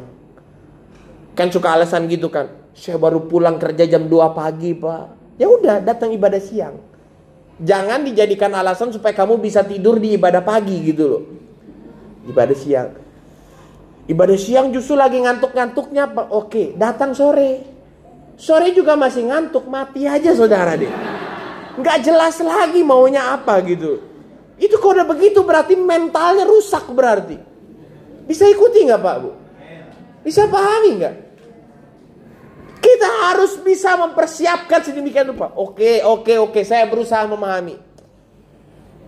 Saudara memang betul-betul lagi nggak punya waktu istirahat dan mau nggak mau terpaksa datang ibadah dengan posisi ngantuk. Tolonglah. Tidurnya nanti pas pengumuman atau doa syafaat gitu. Jangan pas khotbah. Atau pas nyanyi di awal masih ya oke lah gitulah. Pas nyanyi sebenarnya merem tidur, nggak apa-apa lah. Tapi dengan sikap supaya nanti pas firman Tuhan saya seger. Bisa paham nggak? Bisa ikuti nggak? Soalnya yang terjadi kan kebalikannya. Pas nyanyi tuh begitu khotbah tidur dia. Aneh dasar. Padahal ibadah ini yang paling penting itu pesan Tuhannya. Bukan urusannya saya pendeta saya minta didengar. Bukan loh. Saudara mendengarkan atau tidak, saya tetap dapat amplop nanti. Jadi nggak ada urusannya. Tapi kepentingannya itu kepentingan kita. Amin. Kepentingannya kita. Mendengar adalah kemampuan telinga kita menangkap bunyi atau suara. Mendengarkan adalah kemampuan kita menangkap pesan, isi bunyi atau isi suara. Saudara setuju nggak dengan saya? Orang bisa mendengar tapi tidak mendengarkan pada saat yang sama. Orang bisa mendengar bunyi tapi nggak nangkep pesannya. Tapi orang nggak mungkin mendengarkan tanpa mendengar. Betul ya? Contoh. Contoh. Saya kadang kalau udah capek banget. Lalu istri saya cerita, curhatlah segala macam. Saya tuh bisa mendengar, tapi ternyata kurang mendengarkan. Cuman, iya iya. Terus, ah, oh, uh. padahal di telinga cuman kayak bunyi nyamuk aja. Tapi udah udah nggak bisa konsen tapi kalau kita udah setengah tidur hmm, oh hmm, ya hmm. betul nggak bapak-bapak sama istri saya juga kadang kalau dia lagi main handphone entah lagi WA orang atau apa dan yang lain terus saya ng ajak ngobrol bisa respon sama kayak kita di gereja masih bisa amin amin amin amin bisa iya hmm. oh ya hmm. ntar ujung terakhir hmm, tadi apa apa bisa. Kira-kira di gereja banyak nggak yang begitu? Mendengar dengar. Tahu ada suara orang berbicara. Ada seorang manusia yang bicara sesuatu. Tapi apakah kita mendengarkan? Bahkan bukan cuma sekedar mendengarkan aja. Kita harus libatin Roh Kudus mau bicara apa buat saya yang pribadi. Sikap itu yang harus kita latih. Sikap itu yang harus kita miliki. Makanya saya tuh bisa melihat makin ke sini. Bukan bela diri, bukan. Tapi ini rumah sendiri kan? Ini kan semua keluarga sendiri kan? Saya bisa lihat orang-orang yang dalam kerohaniannya bertumbuh dan sungguh-sungguh hampir udah jarang marah dengan khotbah saya. Karena mereka selalu bisa menangkap Roh Kudus bicara apa buat mereka. Tapi kalau orang dengar dengan sikap tadi tuh, yang dia bawa keinginannya, yang dia bawa kemauannya, yang dia bawa egonya, nggak mau libatin Roh Kudus, pasti ada aja yang dikomplain. Tapi sekarang kita udah nggak lagi nggak lagi nggak lagi ribut-ribut karena itu. Karena sudah tahu mereka, oh minggu kedua gak usah datang kan begitu aja kan? Ya. Tapi ya udah, terserah. Saya nggak nggak rugi nggak untung kok. PK khotbah saya tidak ditentukan kalau jemaat 50 ke bawah dikurangi ya. Kalau jemaat 300 ke atas ditambahi ya enggak juga gitu. Enggak. Jadi saya enggak punya kepentingan. Kepentingan saya adalah saya tetap harus jujur dengan apa yang Tuhan taruh buat saudara. Oke. Nah, gini Pak Bu. Tadi kita lihat di Alkitab. Sekali lagi Tuhan berjanji. Nah janjinya Tuhan termasuk goncangan. Amin. Berarti kan ini mental yang harus kita bangun. Bahwa goncangan juga inisiatifnya Tuhan. Setuju Pak Bu? Inisiatifnya Tuhan. Nah kita harus percaya.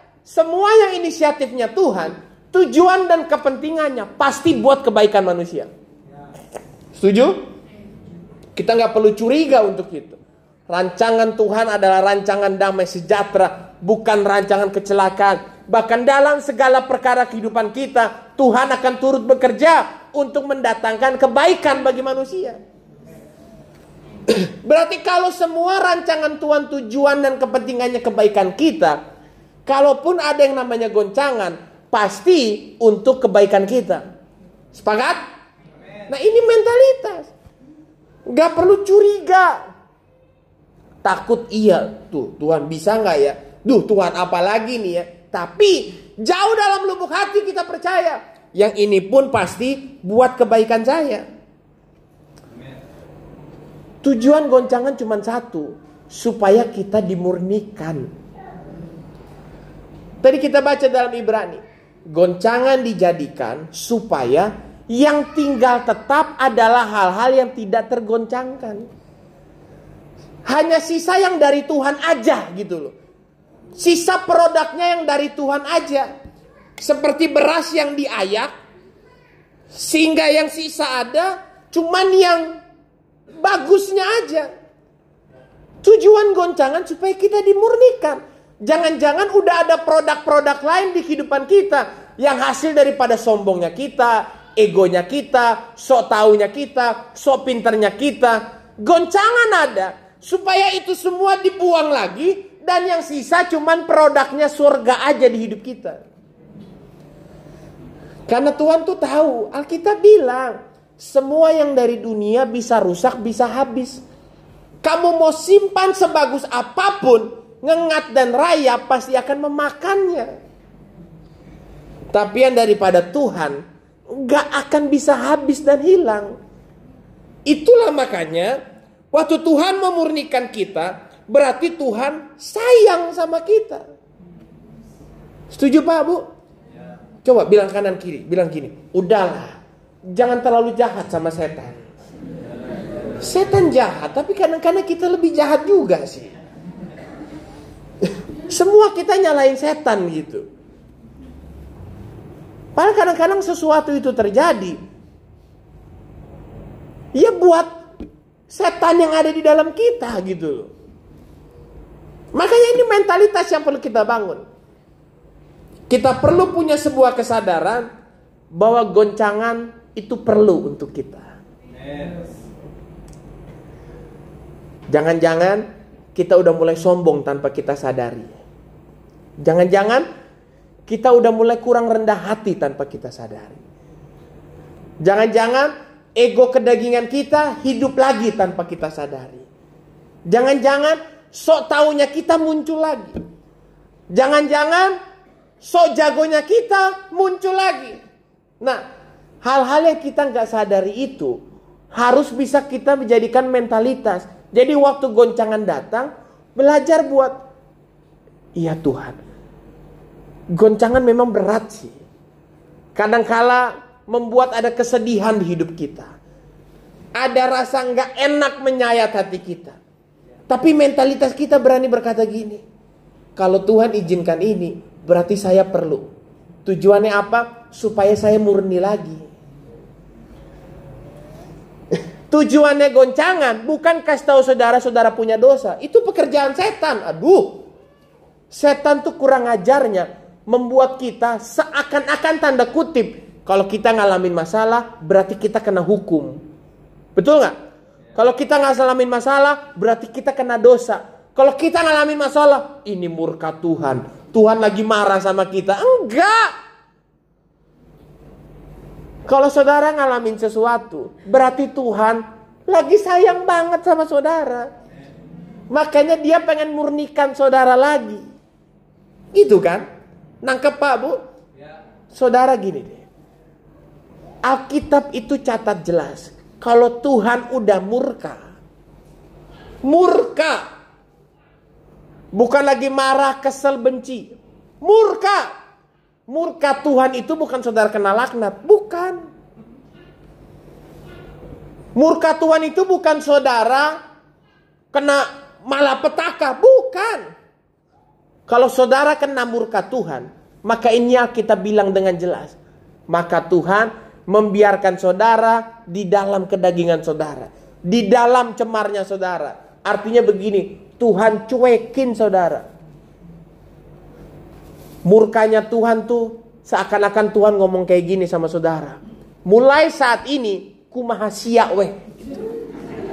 Itu murka Tuhan tuh. Saudara mau bikin terserah. Mau ngapain? Suka-suka lu. Saudara mau bisnis ini? Sok terserah. Dan seakan-akan berhasil. Ngeri gak? Seakan-akan diberkati. Wah bikin ini gak ada gangguan. Bikin itu gak ada gangguan. Bikin ini lancar. Bikin itu lancar. Lalu saudara berpikir, makasih Tuhan. Tuhan sayang banget deh sama saya. Padahal di sorga Tuhan udah bilang begini. Kumah siawe, kumah maneh we. Mau bikin apa terserah. Kalau Tuhan masih sayang, dia masih akan selalu mau memurnikan saudara. Jangan iri sama orang yang hidupnya semuanya baik-baik. Kita sering gitu kan? Tuhan, dia nggak serohani gue deh. Tapi kok enakan dia? Udah kawin, punya anak, anak cakep-cakep, ganteng-ganteng. Lah saya Tuhan. Kita suka iri kan? Dia Tuhan. Kayaknya mah aduh, nggak pernah ngapa-ngapain, gereja aja kalau inget.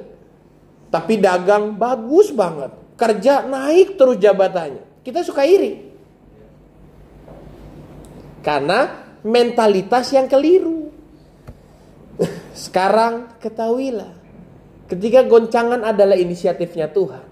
Yang tujuannya memurikan kita. Kalau berhadapan dengan itu, jangan izinkan setan bilang berarti kamu punya salah. Percayai begini, makasih karena Tuhan masih sayang sama saya. Saya perlu Tuhan dimurnikan. Oke, sikap yang kedua, punya respon yang benar. Jangan gampang jadi kecewa dan tolak Tuhan. Makanya mental perlu dipersiapkan. Supaya saudara bisa punya respon yang benar, persiapkan mental saudara. Nah, sama saya bilang latihan, sama saya bilang PR. Ya. Maka hal ini harus menjadi sebuah perhatian dalam kehidupan kita. Yang pertama, persiapkan mentalmu dengan miliki pewahyuan. Sama saya bilang pewahyuan. Apa itu pewahyuan? Pewahyuan bukan saudara bisa baca Alkitab lalu mendapat ide-ide, bikin kata-kata yang menarik, merangkai susun kata-kata yang bagus, bukan. Pewahyuan adalah saudara bisa tahu isi hatinya Tuhan. Itulah pewahyuan. Jangan cuman bisa tahu isi hatinya saudara sendiri, tapi belajar bisa tahu isi hatinya Tuhan. Makanya nanya. Sekali lagi bilang nanya. Sambil bilang kanan kiri pakai muncrat sedikit, bilang nanya makanya. Gimana caranya tahu suara Tuhan? Gimana caranya tahu isi hati Tuhan? Gimana caranya dengar? Lu tanya sendiri sama Tuhan. Kok kayak bingung ya saudara ya? Karena pewahyuan itu adalah buat semua manusia, bukan cuma beberapa orang aja.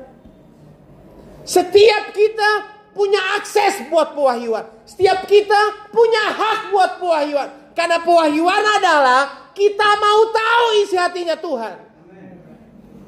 Yang anak Tuhan angkat tangan. Yakin anak betul? Betul yakin anak? Kalau saudara yakin saudara anak, Kenapa kadang buat tahu isi hati bapak saudara, saudara nanyanya sama orang lain?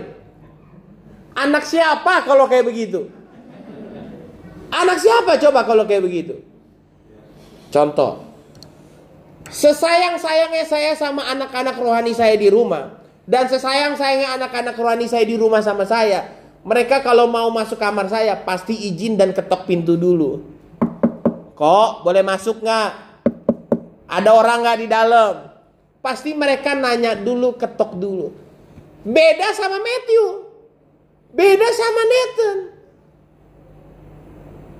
Matthew Nathan masuk kamar saya nggak pakai ketok, buka pintu aja kurang ajar, jebret jebret jebret jebret. Lain. Beda. Coba saudara kalau punya anak, terus anak saudara mau bicara sama saudara mulai dengan gaya uh, misalkan Matthew ngomong sama saya, uh, papa saya Wahyu Immanuel yang saya kasih. Papa saya Wahyu Immanuel yang saya percaya baik dan sangat mengasihi saya. Bolehkah saya memohon untuk Kira-kira kalau anak saya kayak begitu saya seneng atau gimana? Hah? Saya bawa ke dokter Matthew kalau kayak begitu. Saya cek otaknya langsung. Berarti ada yang salah kan? Nah, banyak nggak orang Kristen yang berpikir kayak begitu? Seakan-akan Tuhan cuma bicara sama pendeta. Tuhan cuma bicara sama maaf nih orang-orang dengan jabatan tertentu di gereja. Yang kadang-kadang kita berpikir gini, dah saya mah rohaninya nggak kayak dia. Dia mah kalau doa lama, saya mah membuat kita berpikir kayaknya kelasnya beda. Dan karena kelasnya beda, Tuhan kayak nggak mau bicara sama kita. Itu setan. Itu setan, serius. Jangan izinkan satu orang pun termasuk pendeta siapa pun berkata, Tuhan gak mau bicara langsung sama saudara. Kalau ada orang yang ngajarin, saudara harus kalau mau dengar suara Tuhan mesti tanya dia, itu setan berarti. Hari ini saudara dengar. Apa pun yang jadi pertanyaan saudara, tanya langsung sama bapakmu. Karena dia mau ngomong langsung sama saudara. Gak perlu lewat orang lain. Gak perlu lewat saya, gak perlu. Tanya langsung sama Tuhan. Amin. Makanya waktu dengar firman terus taruh dalam hati. Roh Kudus mau ngomong apa? Roh Kudus mau ngomong apa? Roh Kudus mau kasih pesan apa buat saya? Libatkan Roh Kudus setiap kali engkau dengar firman Tuhan. Nanti kau akan dengar Tuhan bicara. Miliki pewahyuan. Makanya jangan sampai kita nggak peduli sama firman Tuhan. Sekali lagi saya ulangi, dengar firman baik-baik sungguh-sungguh, semangat, perhatian. Kepentingannya bukan saya. Karena kalau saudara suka untuk mendengarkan dari awal, maka goncangan gak akan ngagetin hidup saudara. Betul nggak? Iya. Kita masih goncangan tetap terasa nggak enak, tapi itu nggak akan mengagetkan saudara. Karena saudara sudah tahu mendengarkan dari awal. nah manusia nih Yang manusia angkat tangan Dicek dulu kanan kirinya Bener yakin? Oke manusia entah kenapa kupingnya, telinganya baru kadang-kadang bisa mendengar ketika sudah ada goncangan lebih dulu. Begitu proses kehidupan baru telinganya seakan-akan mau mendengarkan. Udah sakit, udah miskin, udah menyon, udah bangkrut, udah hilang apa, baru tuh seakan-akan ya Tuhan, aku aku tahu ini Tuhan lagi bicara sama aku. Aku tahu ini Tuhan lagi ngajarin aku. Enggak kayak begitu. Itu namanya tulalit. Tuhan gak pernah bicara lewat kecelakaan. Tuhan selalu berbicara lewat firman. Firman saudara masih abaikan, Tuhan akan bicara lewat nasihat. Nasihat saudara abaikan, Tuhan akan bicara lewat teguran. Teguran saudara abaikan, maka akhirnya proses kehidupan yang menghampiri saudara. Nah kita suka belagu. Ngomongnya Iya Tuhan bicara lewat kecelakaan. Enggak begitu. Satu anak di rumah kami. Naik motor ngebut. Tiga kali kita udah kasih tahu. Jangan ngebut. Masih ngebut. Akhirnya kecelakaan. Kecelakaan retak kaki. Begitu retak kaki. Iya Tuhan bicara kuat banget sama saya lewat ini. Tuhan gak bicara budak. Tuhan bicara tiga kali sebelumnya ada yang ngasih tahu kamu jangan ngebut. Tapi ya itu Ibrani bilang. Kita suka punya sikap memalingkan wajah. Berpaling dari Tuhan yang berbicara, betul nggak? Hah? 20 tahun saya naik motor, belum pernah kecelakaan. Terakhir kecelakaan waktu naik sepeda. Kita ada rasa suka gitu kan?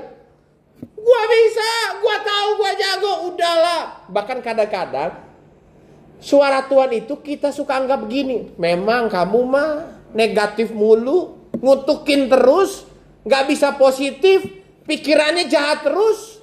Bahkan ketika proses kehidupan udah terjadi, kita nyalainnya orang lain. Lu sih doainnya bukan yang bagus-bagus, lu sih ngomongnya bukan yang enak-enak, kejadian kan kayak begini masih nggak mau sadar kesombongan dan egonya itu manusia tuh. Bilang kanan kiri, lu manusia kan, jangan pura-pura bukan gitu loh. Betul nggak? Makanya gini Pak Bu. Kenapa kita harus punya sikap betul-betul sama firman Tuhan? Kenapa sih saya rewel sama saudara? Kalau kita izinkan firman Tuhan yang goncang kita lebih dulu, kita nggak perlu alami proses kehidupan untuk goncang kita. Amin Pak Bu.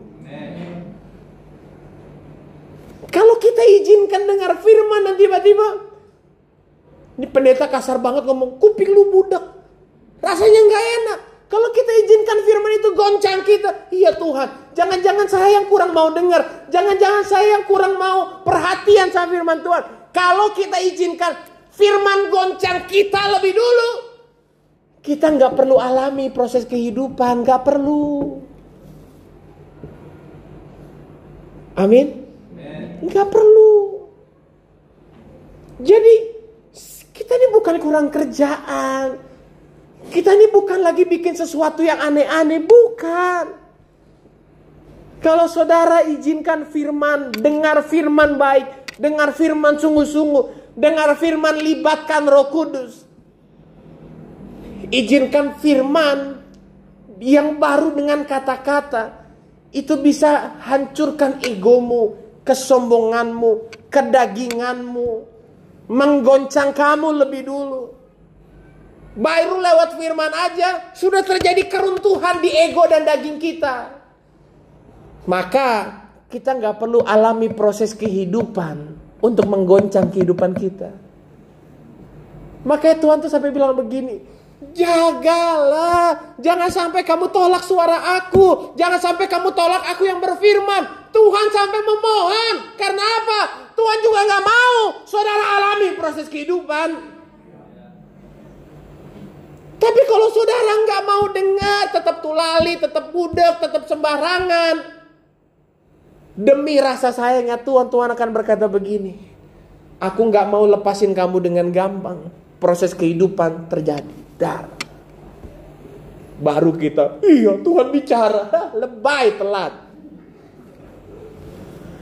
Kira-kira kalau sampai bahasanya Tuhan begini, janganlah kamu menolak aku, jangan kamu berpaling dari aku. Kira-kira yang udah kebangetan Tuhan atau manusia? Yang udah kurang ajar Tuhan atau manusia? Yang manusia angkat tangan. Oh haleluya. Miliki pewahyuan. Setiap kali kau dengar firman, setiap kali kau dengar hamba Tuhan berbicara, setiap kali kau membaca Alkitab, selalu tanya Roh Kudus, ada pesan nggak yang Tuhan mau bicara sama saya? Yang pertama miliki pewahyuan. Kedua, miliki inisiatif. Sama-sama bilang inisiatif. Apa itu inisiatif? Dengan kekuatan penuh dan kesadaran penuh, mau terlibat aktif dalam ketaatan Gak tunggu nanti, gak tunggu dipaksa. Apa artinya tunggu nanti dan tunggu dipaksa? Menunggu proses kehidupan datang. Kita harus punya hati dengan lembut dan gampang. Waktu Roh Kudus bilang, kamu sombong. Iya Tuhan, aku mau rendah hati. Aku mau Tuhan. Kamu punya dendam.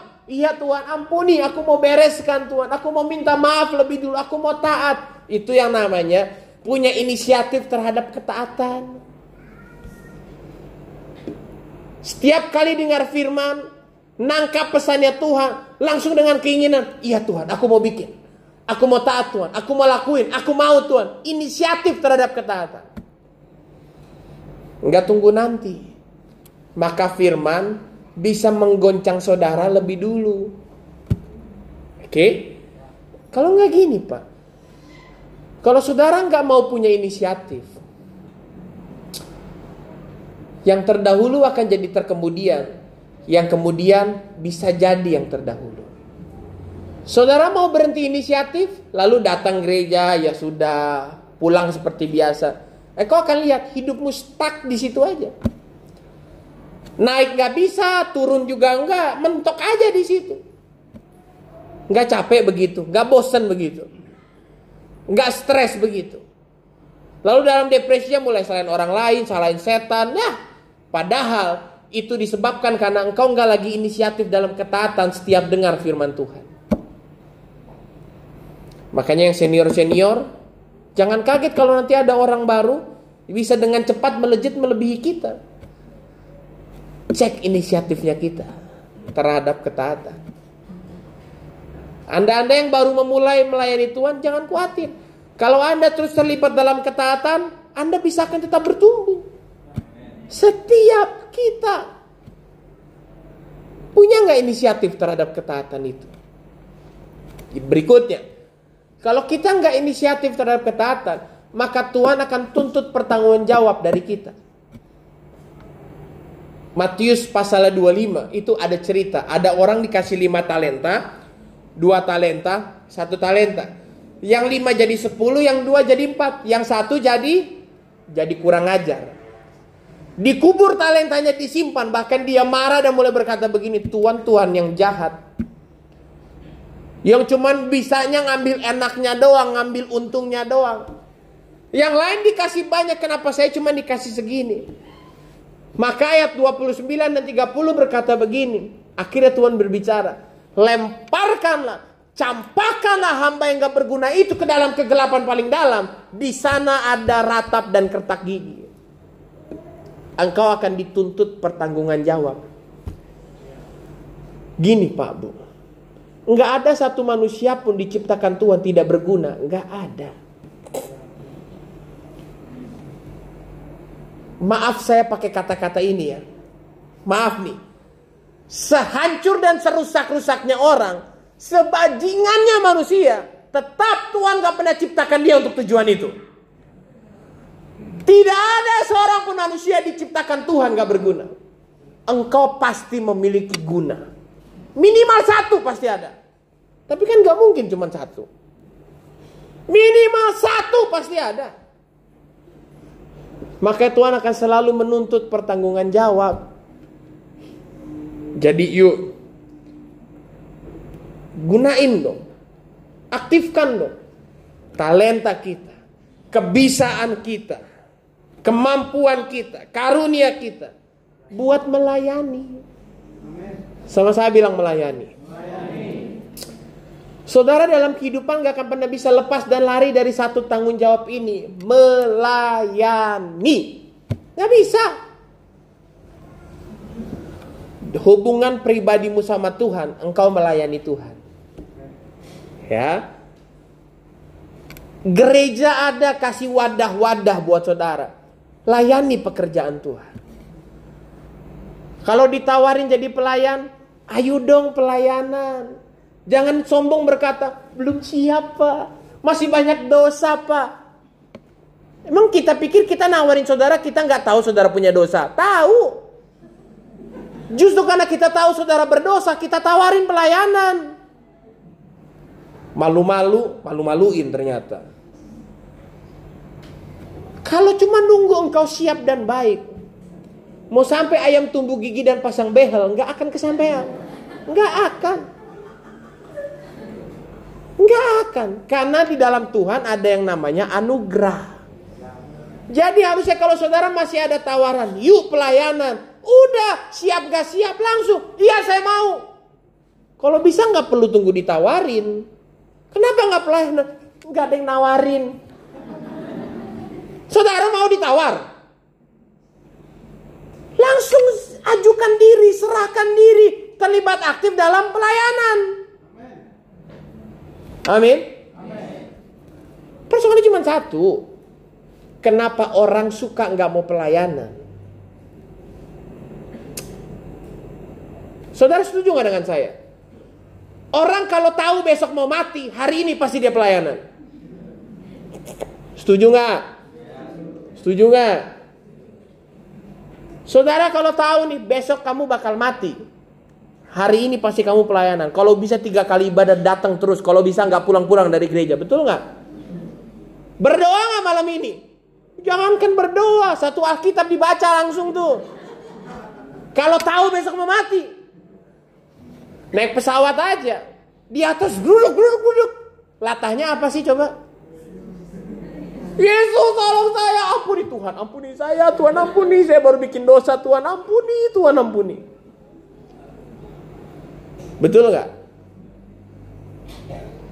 Apalagi kalau udah begini pesawat uh, pasti langsung tuh minta ampun Tuhan, ampuni aku, ngaku dosa semuanya. Istri di samping, maaf, maaf aku selingkuh kemarin, maaf, maaf, maaf, maaf.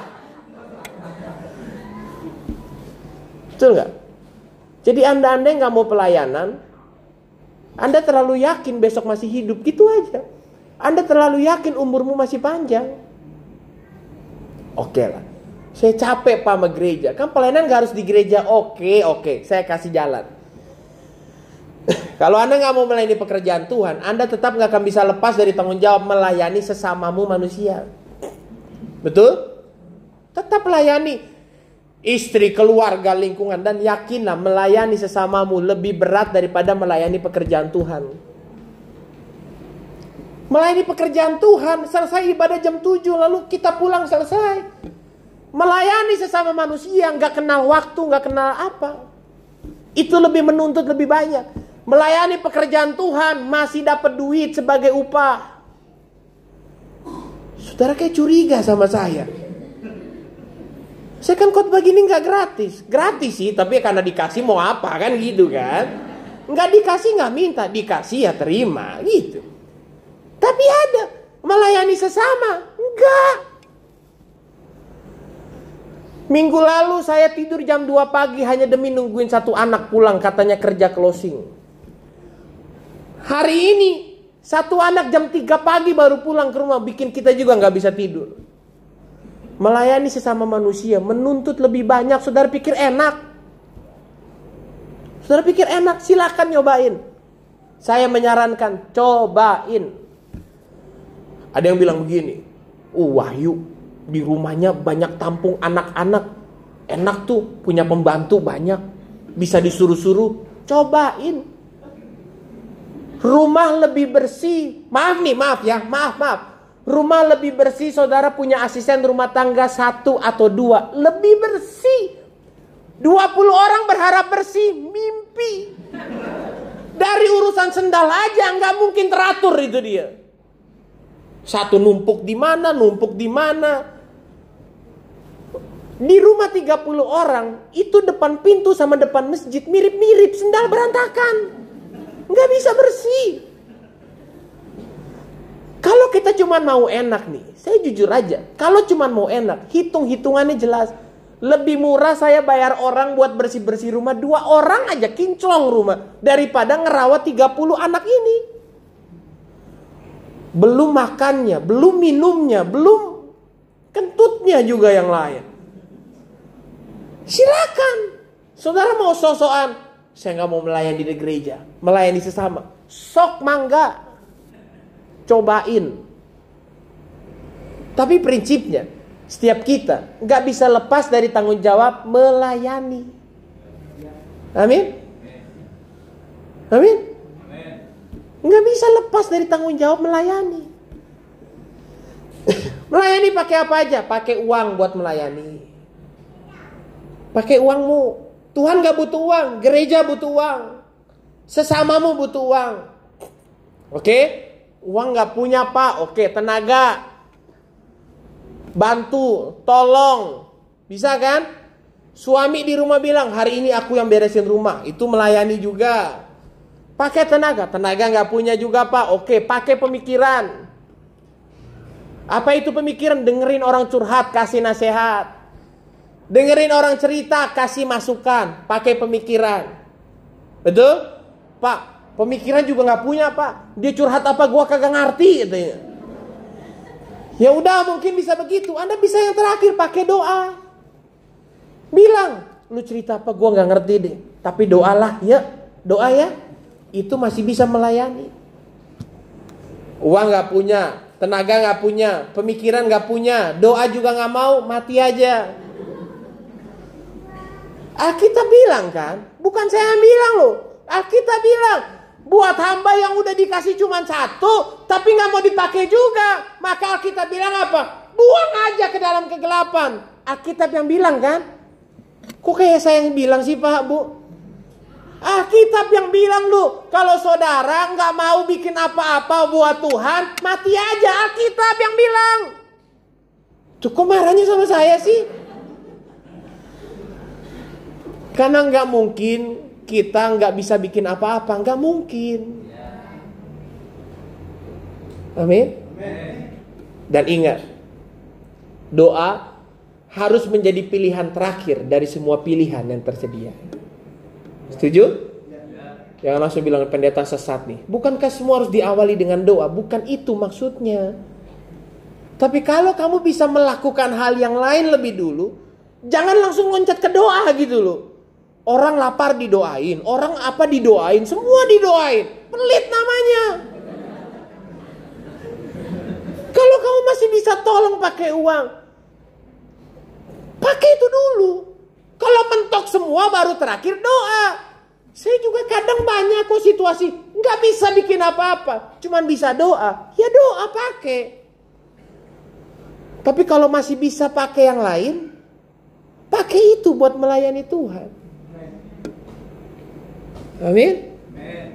Orang sakit doa dulu, jangan mati dulu dalam nama Yesus. Setelah itu urus BPJS-nya. Ajak ke rumah sakit, beliin obatnya. Sakit tipes, beliin sarapan bubur. Kok kayak bingung Bapak Ibu ya? Betul gak sih? Setuju gak? Saya pendeta loh, istri saya pendeta. Di rumah kami itu, waduh, kurang apa firman Tuhan di sana? Percaya deh, di rumah kalau ada yang sakit, kita jarang doa dulu. Yang ada beli obat, cari dokter, tolong dulu. Udah kasih obat, kasih dokter baru berdoa. Tuhan pakai obat ini, pakai dokter ini buat bikin dia sembuh. Kayak bingung saudara. Ada orang telepon saya, Pak, tolong. Ini serius. Saya mau keluar, saya diusir dari rumah saya, saya mau cari kosan, tapi saya nggak punya uang. Saya tanya begini, kau mau cari kosan harga berapa? Cuma 500 pak satu bulan. Terus apakah saya harus bilang begini? Oke, kita berdoa ya, biar ada yang kasih uang sama kamu. Pak, kurang ajar nggak kalau kayak begitu? Seakan-akan Tuhan bilang begini, aku kirim dia ke kamu supaya kamu tolong dia. Bisa ngerti? Ya. Terus kita yuk berdoa. Kita berdoa, Tuhan, kamu yang tolong dia. Tuhan di sorga kalau bisa gua tendang gua injek loh gitu ya. Benar gak sih? Kalau saudara tahu ada orang datang kepada saudara minta dibantu, udah nggak usah nanya Tuhan. Itu berarti saudara harus melihat punya uang nggak, punya tenaga nggak, punya pemikiran nggak. Kalau nggak punya semuanya baru yuk kita berdoa. Karena waktu saudara berdoa itu akan muncul dari gini Tuhan aku pengen tolong dia tapi sekarang gimana caranya? Kita berdoa. Tapi kalau bisa nggak usah berdoa, tolong langsung. Bisa ikuti Pak Bu? Bisa ikuti ya? Oke. Miliki pewahyuan, miliki inisiatif terhadap ketaatan. Yang terakhir, miliki kasih persaudaraan. Sangat dilarang saudara menyendiri dan sendirian. Ini isunya bukan pacaran atau kawin, tapi isunya adalah terhisaplah dalam komunitas. Ada dewasa muda bom, ada remaja LOG, malam menara doa ada, kul ada, WBI ada, PBI ada. Terhisaplah dalam persekutuan, jangan sendirian. Alkitab jelas Amsal 18 ayat yang pertama bilang, orang yang menyendiri mencari keinginannya sendiri. Dan orang model kayak begini, Alkitab bilang amarahnya meledak-ledak terhadap setiap pertimbangan. Karena dia nggak akan bisa cocok dan suka dengan orang lain yang nggak sesuai kemauannya. Yang begini ego dan sombong. Cool, gue nggak cocok sama dia. Ini yang begini berarti permasalahan di dalam kita. Orang yang gampang menyendiri, sukanya menyendiri, pasti gampang marah. Gampang marah, gampang ngambek, gampang tersinggung. Didekati, dikasih nasihat, tambah marah, tambah ngambek, tambah tersinggung. Akhirnya kita, ya udah deh, kita diemin aja. Didiemin, makin marah, makin ngambek, makin tersinggung. Manusia model begini nggak jelas maunya diapain. Saudara yang tipikal penyendiri pasti saudara nggak jelas maunya saudara apa. Orang nggak akan pernah bisa cocok sama saudara dan saudara nggak akan pernah bisa cocok sama orang lain. Betul nggak? Makanya kita bilang sangat dilarang sendirian.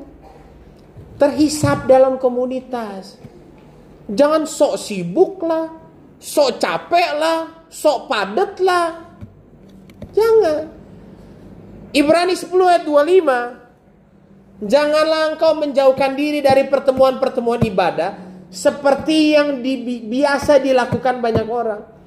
Berarti ada loh orang-orang yang kebiasaannya menjauhkan diri, betul nggak? Ada. Ke gereja cukup seminggu sekali. Duduknya paling belakang. Kenapa? Biar selesai bisa langsung keluar duluan. Itu kebiasaan orang menjauhkan diri tuh.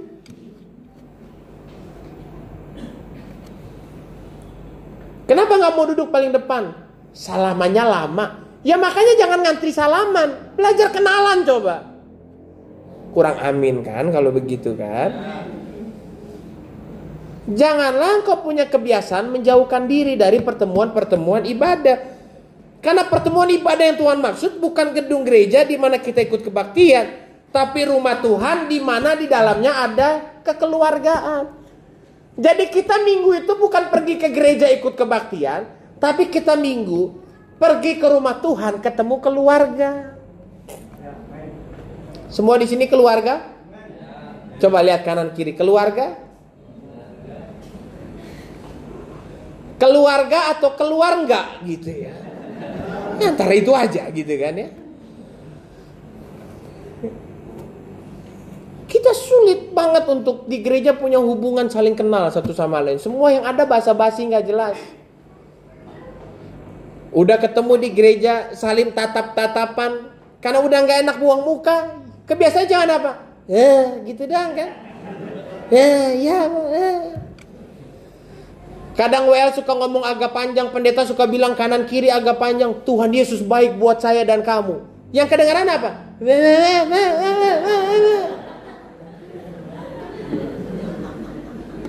Ini ketawa benar atau enggak? Benar kan? Kita aja kadang males kok kalau disuruh ngomong panjang-panjang. Kalau shalom masih terdengar. Shalom. Kalau udah apa kabar Tuhan baik buat kamu? Eh, enggak, enggak, enggak, enggak jelas. Udah males kita ngomong. Interaksi mulai jarang, betul nggak? Padahal kita di rumah Tuhan dan harusnya satu rumah semua saling kenal.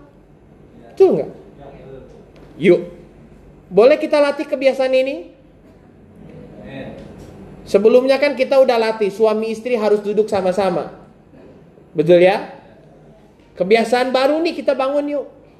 Kalau selesai ibadah, satu deh. Lihat kanan atau kiri, depan atau belakang. Tanya nama, selesai udah. Mau nggak? Latihan itu, tanya nama. Namanya siapa? Gak usah nanya nomor handphone, gak usah nanya punya utang atau enggak, gak usah. Nama aja cukup. Supaya ketemu di jalan atau minggu depan ketemu lagi di gereja kita nggak, kita udah bisa sebut nama gitu loh. Boleh? Boleh latihan? Jangan kepengennya menyendiri. Masa gue yang nanya duluan? Gengsi dong makan tuh gengsi. Terserahlah. Mentalitas perlu dibangun. Amin. Dan kasih akan persaudaraan itu menjadi bagian penting dalam mentalitas. Kenapa? Karena gini. Janganlah engkau menjauhkan diri dari pertemuan-pertemuan ibadah seperti yang biasa dilakukan oleh banyak orang. Tetapi hendaklah kamu saling menasehati dan semakin giat melakukannya menjelang hari Tuhan yang makin dekat ini. Betul? Berarti sekarang kita harus makin giat saling menasehati. Apa itu nasihat? Nasihat adalah langkah berikutnya setelah firman Tuhan datang sama kita kan? Firman, nasihat, teguran baru proses kehidupan berarti aktivitas pertemuan ibadah yang Tuhan maksud bukan liturgi agamanya, apa itu nasihat? Nasihat adalah firman Tuhan yang kita dengar, kita teruskan supaya orang lain bisa ikut mendengarkannya. Itu nasihat. Amin, Pak, Bu. Makanya waktu dikata saling menasihatilah kamu, berarti setiap kali kita ketemu dengan manusia yang lain, maka kita harus bicaranya firman Tuhan. Waktu kita ketemu manusia lain dan kita bicara firman Tuhan, itulah yang Alkitab katakan pertemuan ibadah. Saudara yang suka sok sibuk, ayo kebaktian, sibuk saya pak. saya nggak punya waktu. Saya perlu quality time sama keluarga. Oke, nggak apa-apa. Tuhan tuh masih baik loh. Kalau memang Anda nggak sempat datang ke gereja ikut ibadah, maka pertanyaan berikutnya. Waktu Anda ketemu istri di rumah, ngomongin firman Tuhan nggak? Waktu istri ketemu suami di rumah, ngomongin firman Tuhan nggak? Waktu orang tua ketemu anak di rumah, ngomongin firman Tuhan nggak? Karena pertemuan ibadah adalah setiap kali kamu ketemu manusia lain ngomonginnya firman Tuhan. Saudara nggak sempat ke gereja nggak apa-apa. Asalkan waktu saudara ketemu orang lain ngomongnya firman Tuhan. Udah kebaktian enggak ketemu orang lain ngomonginnya orang lain lagi. Sama keluarga di rumah mainnya handphone, nontonnya Korea, boro-boro ngobrol. harus tetap ngomong ngomong yang rohani, ngomong firman Tuhan. Saudara kalau banyak isi firman Tuhan, saudara nggak akan pernah kehabisan kata buat menasehati orang lain. Nggak akan. Nggak akan. Kalau orang sampai bilang begini, gue udah nggak tahu lagi mau ngomong apa, berarti dia kekurangan firman Tuhan. Saudara nggak percaya? Saya bisa khotbah sampai jam 10 malam nih tanpa berhenti. Kalau saudara nggak percaya, saya nggak akan kekurangan bahan untuk bicara sama saudara. Saudara akan kehilangan kesabaran dengerin saya. Karena saling menasihatilah kamu. Saya udah nggak lagi menganggap saya khotbah, makanya saya udah nggak peduli. Homelitik lah, tergelitik, kilikitik, udah nggak peduli. Saya udah nggak pusing. Saudara suka atau enggak? Karena yang saya lakukan ini, saya lagi cuma mau saling menasihati. Itu aja. Itu yang kita bilang. Amin. Ketemu siapa aja ngomong firman Tuhan. Jangan ketemu temen, lu tahu nggak? Wih, nggak tahu lu. Nih gua kasih tahu. Tapi ingat jangan kasih siapa-siapa ya. Jangan lu kasih siapa. Ketemu orang nggak apa-apa. Lu tahu nggak? Tadi pagi gua baca Alkitab. Gila, gua nggak ngerti apa-apa. Nih yang gua baca, lu ngerti nggak? Lu ngerti nggak? Waktu ngobrol firman Tuhan kayak begitu, itu yang Alkitab bilang, itu pertemuan ibadahmu. Amin. Jadi waktu punya kasih persaudaraan, cek yuk. Kalau saudara maaf nih, saudara suka rasa risih, males dan kayak nggak cocok dengan komunitas dan orang-orang yang rohani, berarti saudara betul jelas calon penghuni neraka. Jelas deh. Gue nggak cocok sama dia. Kenapa? Dia mah rohani banget. Kalau ketemu khotbah terus, duh kalau ketemu firman terus, nggak bisa diajak senang-senang dikit. Jelas calon neraka saudara itu.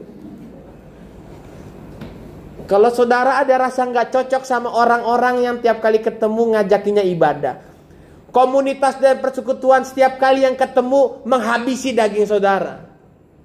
Itu jelas berarti. Apa yang ada dalam kita yang menolak Tuhan yang mau bicara sama kita. Setuju Bapak Ibu? Mentalitas kita harus dibangun. Cocoklah, dekatlah, bahkan mendekatlah dengan apa-apa yang membuat engkau setiap kali ketemu nasihat. Setiap kali dinasehati. Setiap kali engkau bisa mendengar firman Tuhan diteruskan sama kehidupanmu. Itu yang akan membuat engkau siap mentalitasnya. Setuju Bapak Ibu? Jadi mulut ini harus bertobat kalau kadang kita ngomong. Jangan terlalu rohani lah. Duniawi sedikit nggak apa-apa. Neraka saudara itu kalau kayak begitu. Kita harus belajar cocok sama orang-orang yang mungkin perlu adaptasi lah. Tapi mentalmu dipersiapkan lewat itu. Amin. Miliki pewahyuan. Harus tahu isi hatinya Tuhan. Miliki inisiatif. Harus taat sama isi hatinya Tuhan. Yang ketiga, miliki kasih persaudaraan. Adalah di lingkungan di mana engkau akan sering terima nasihat. Bisa paham semuanya? Selamat menghadapi kehidupan ini.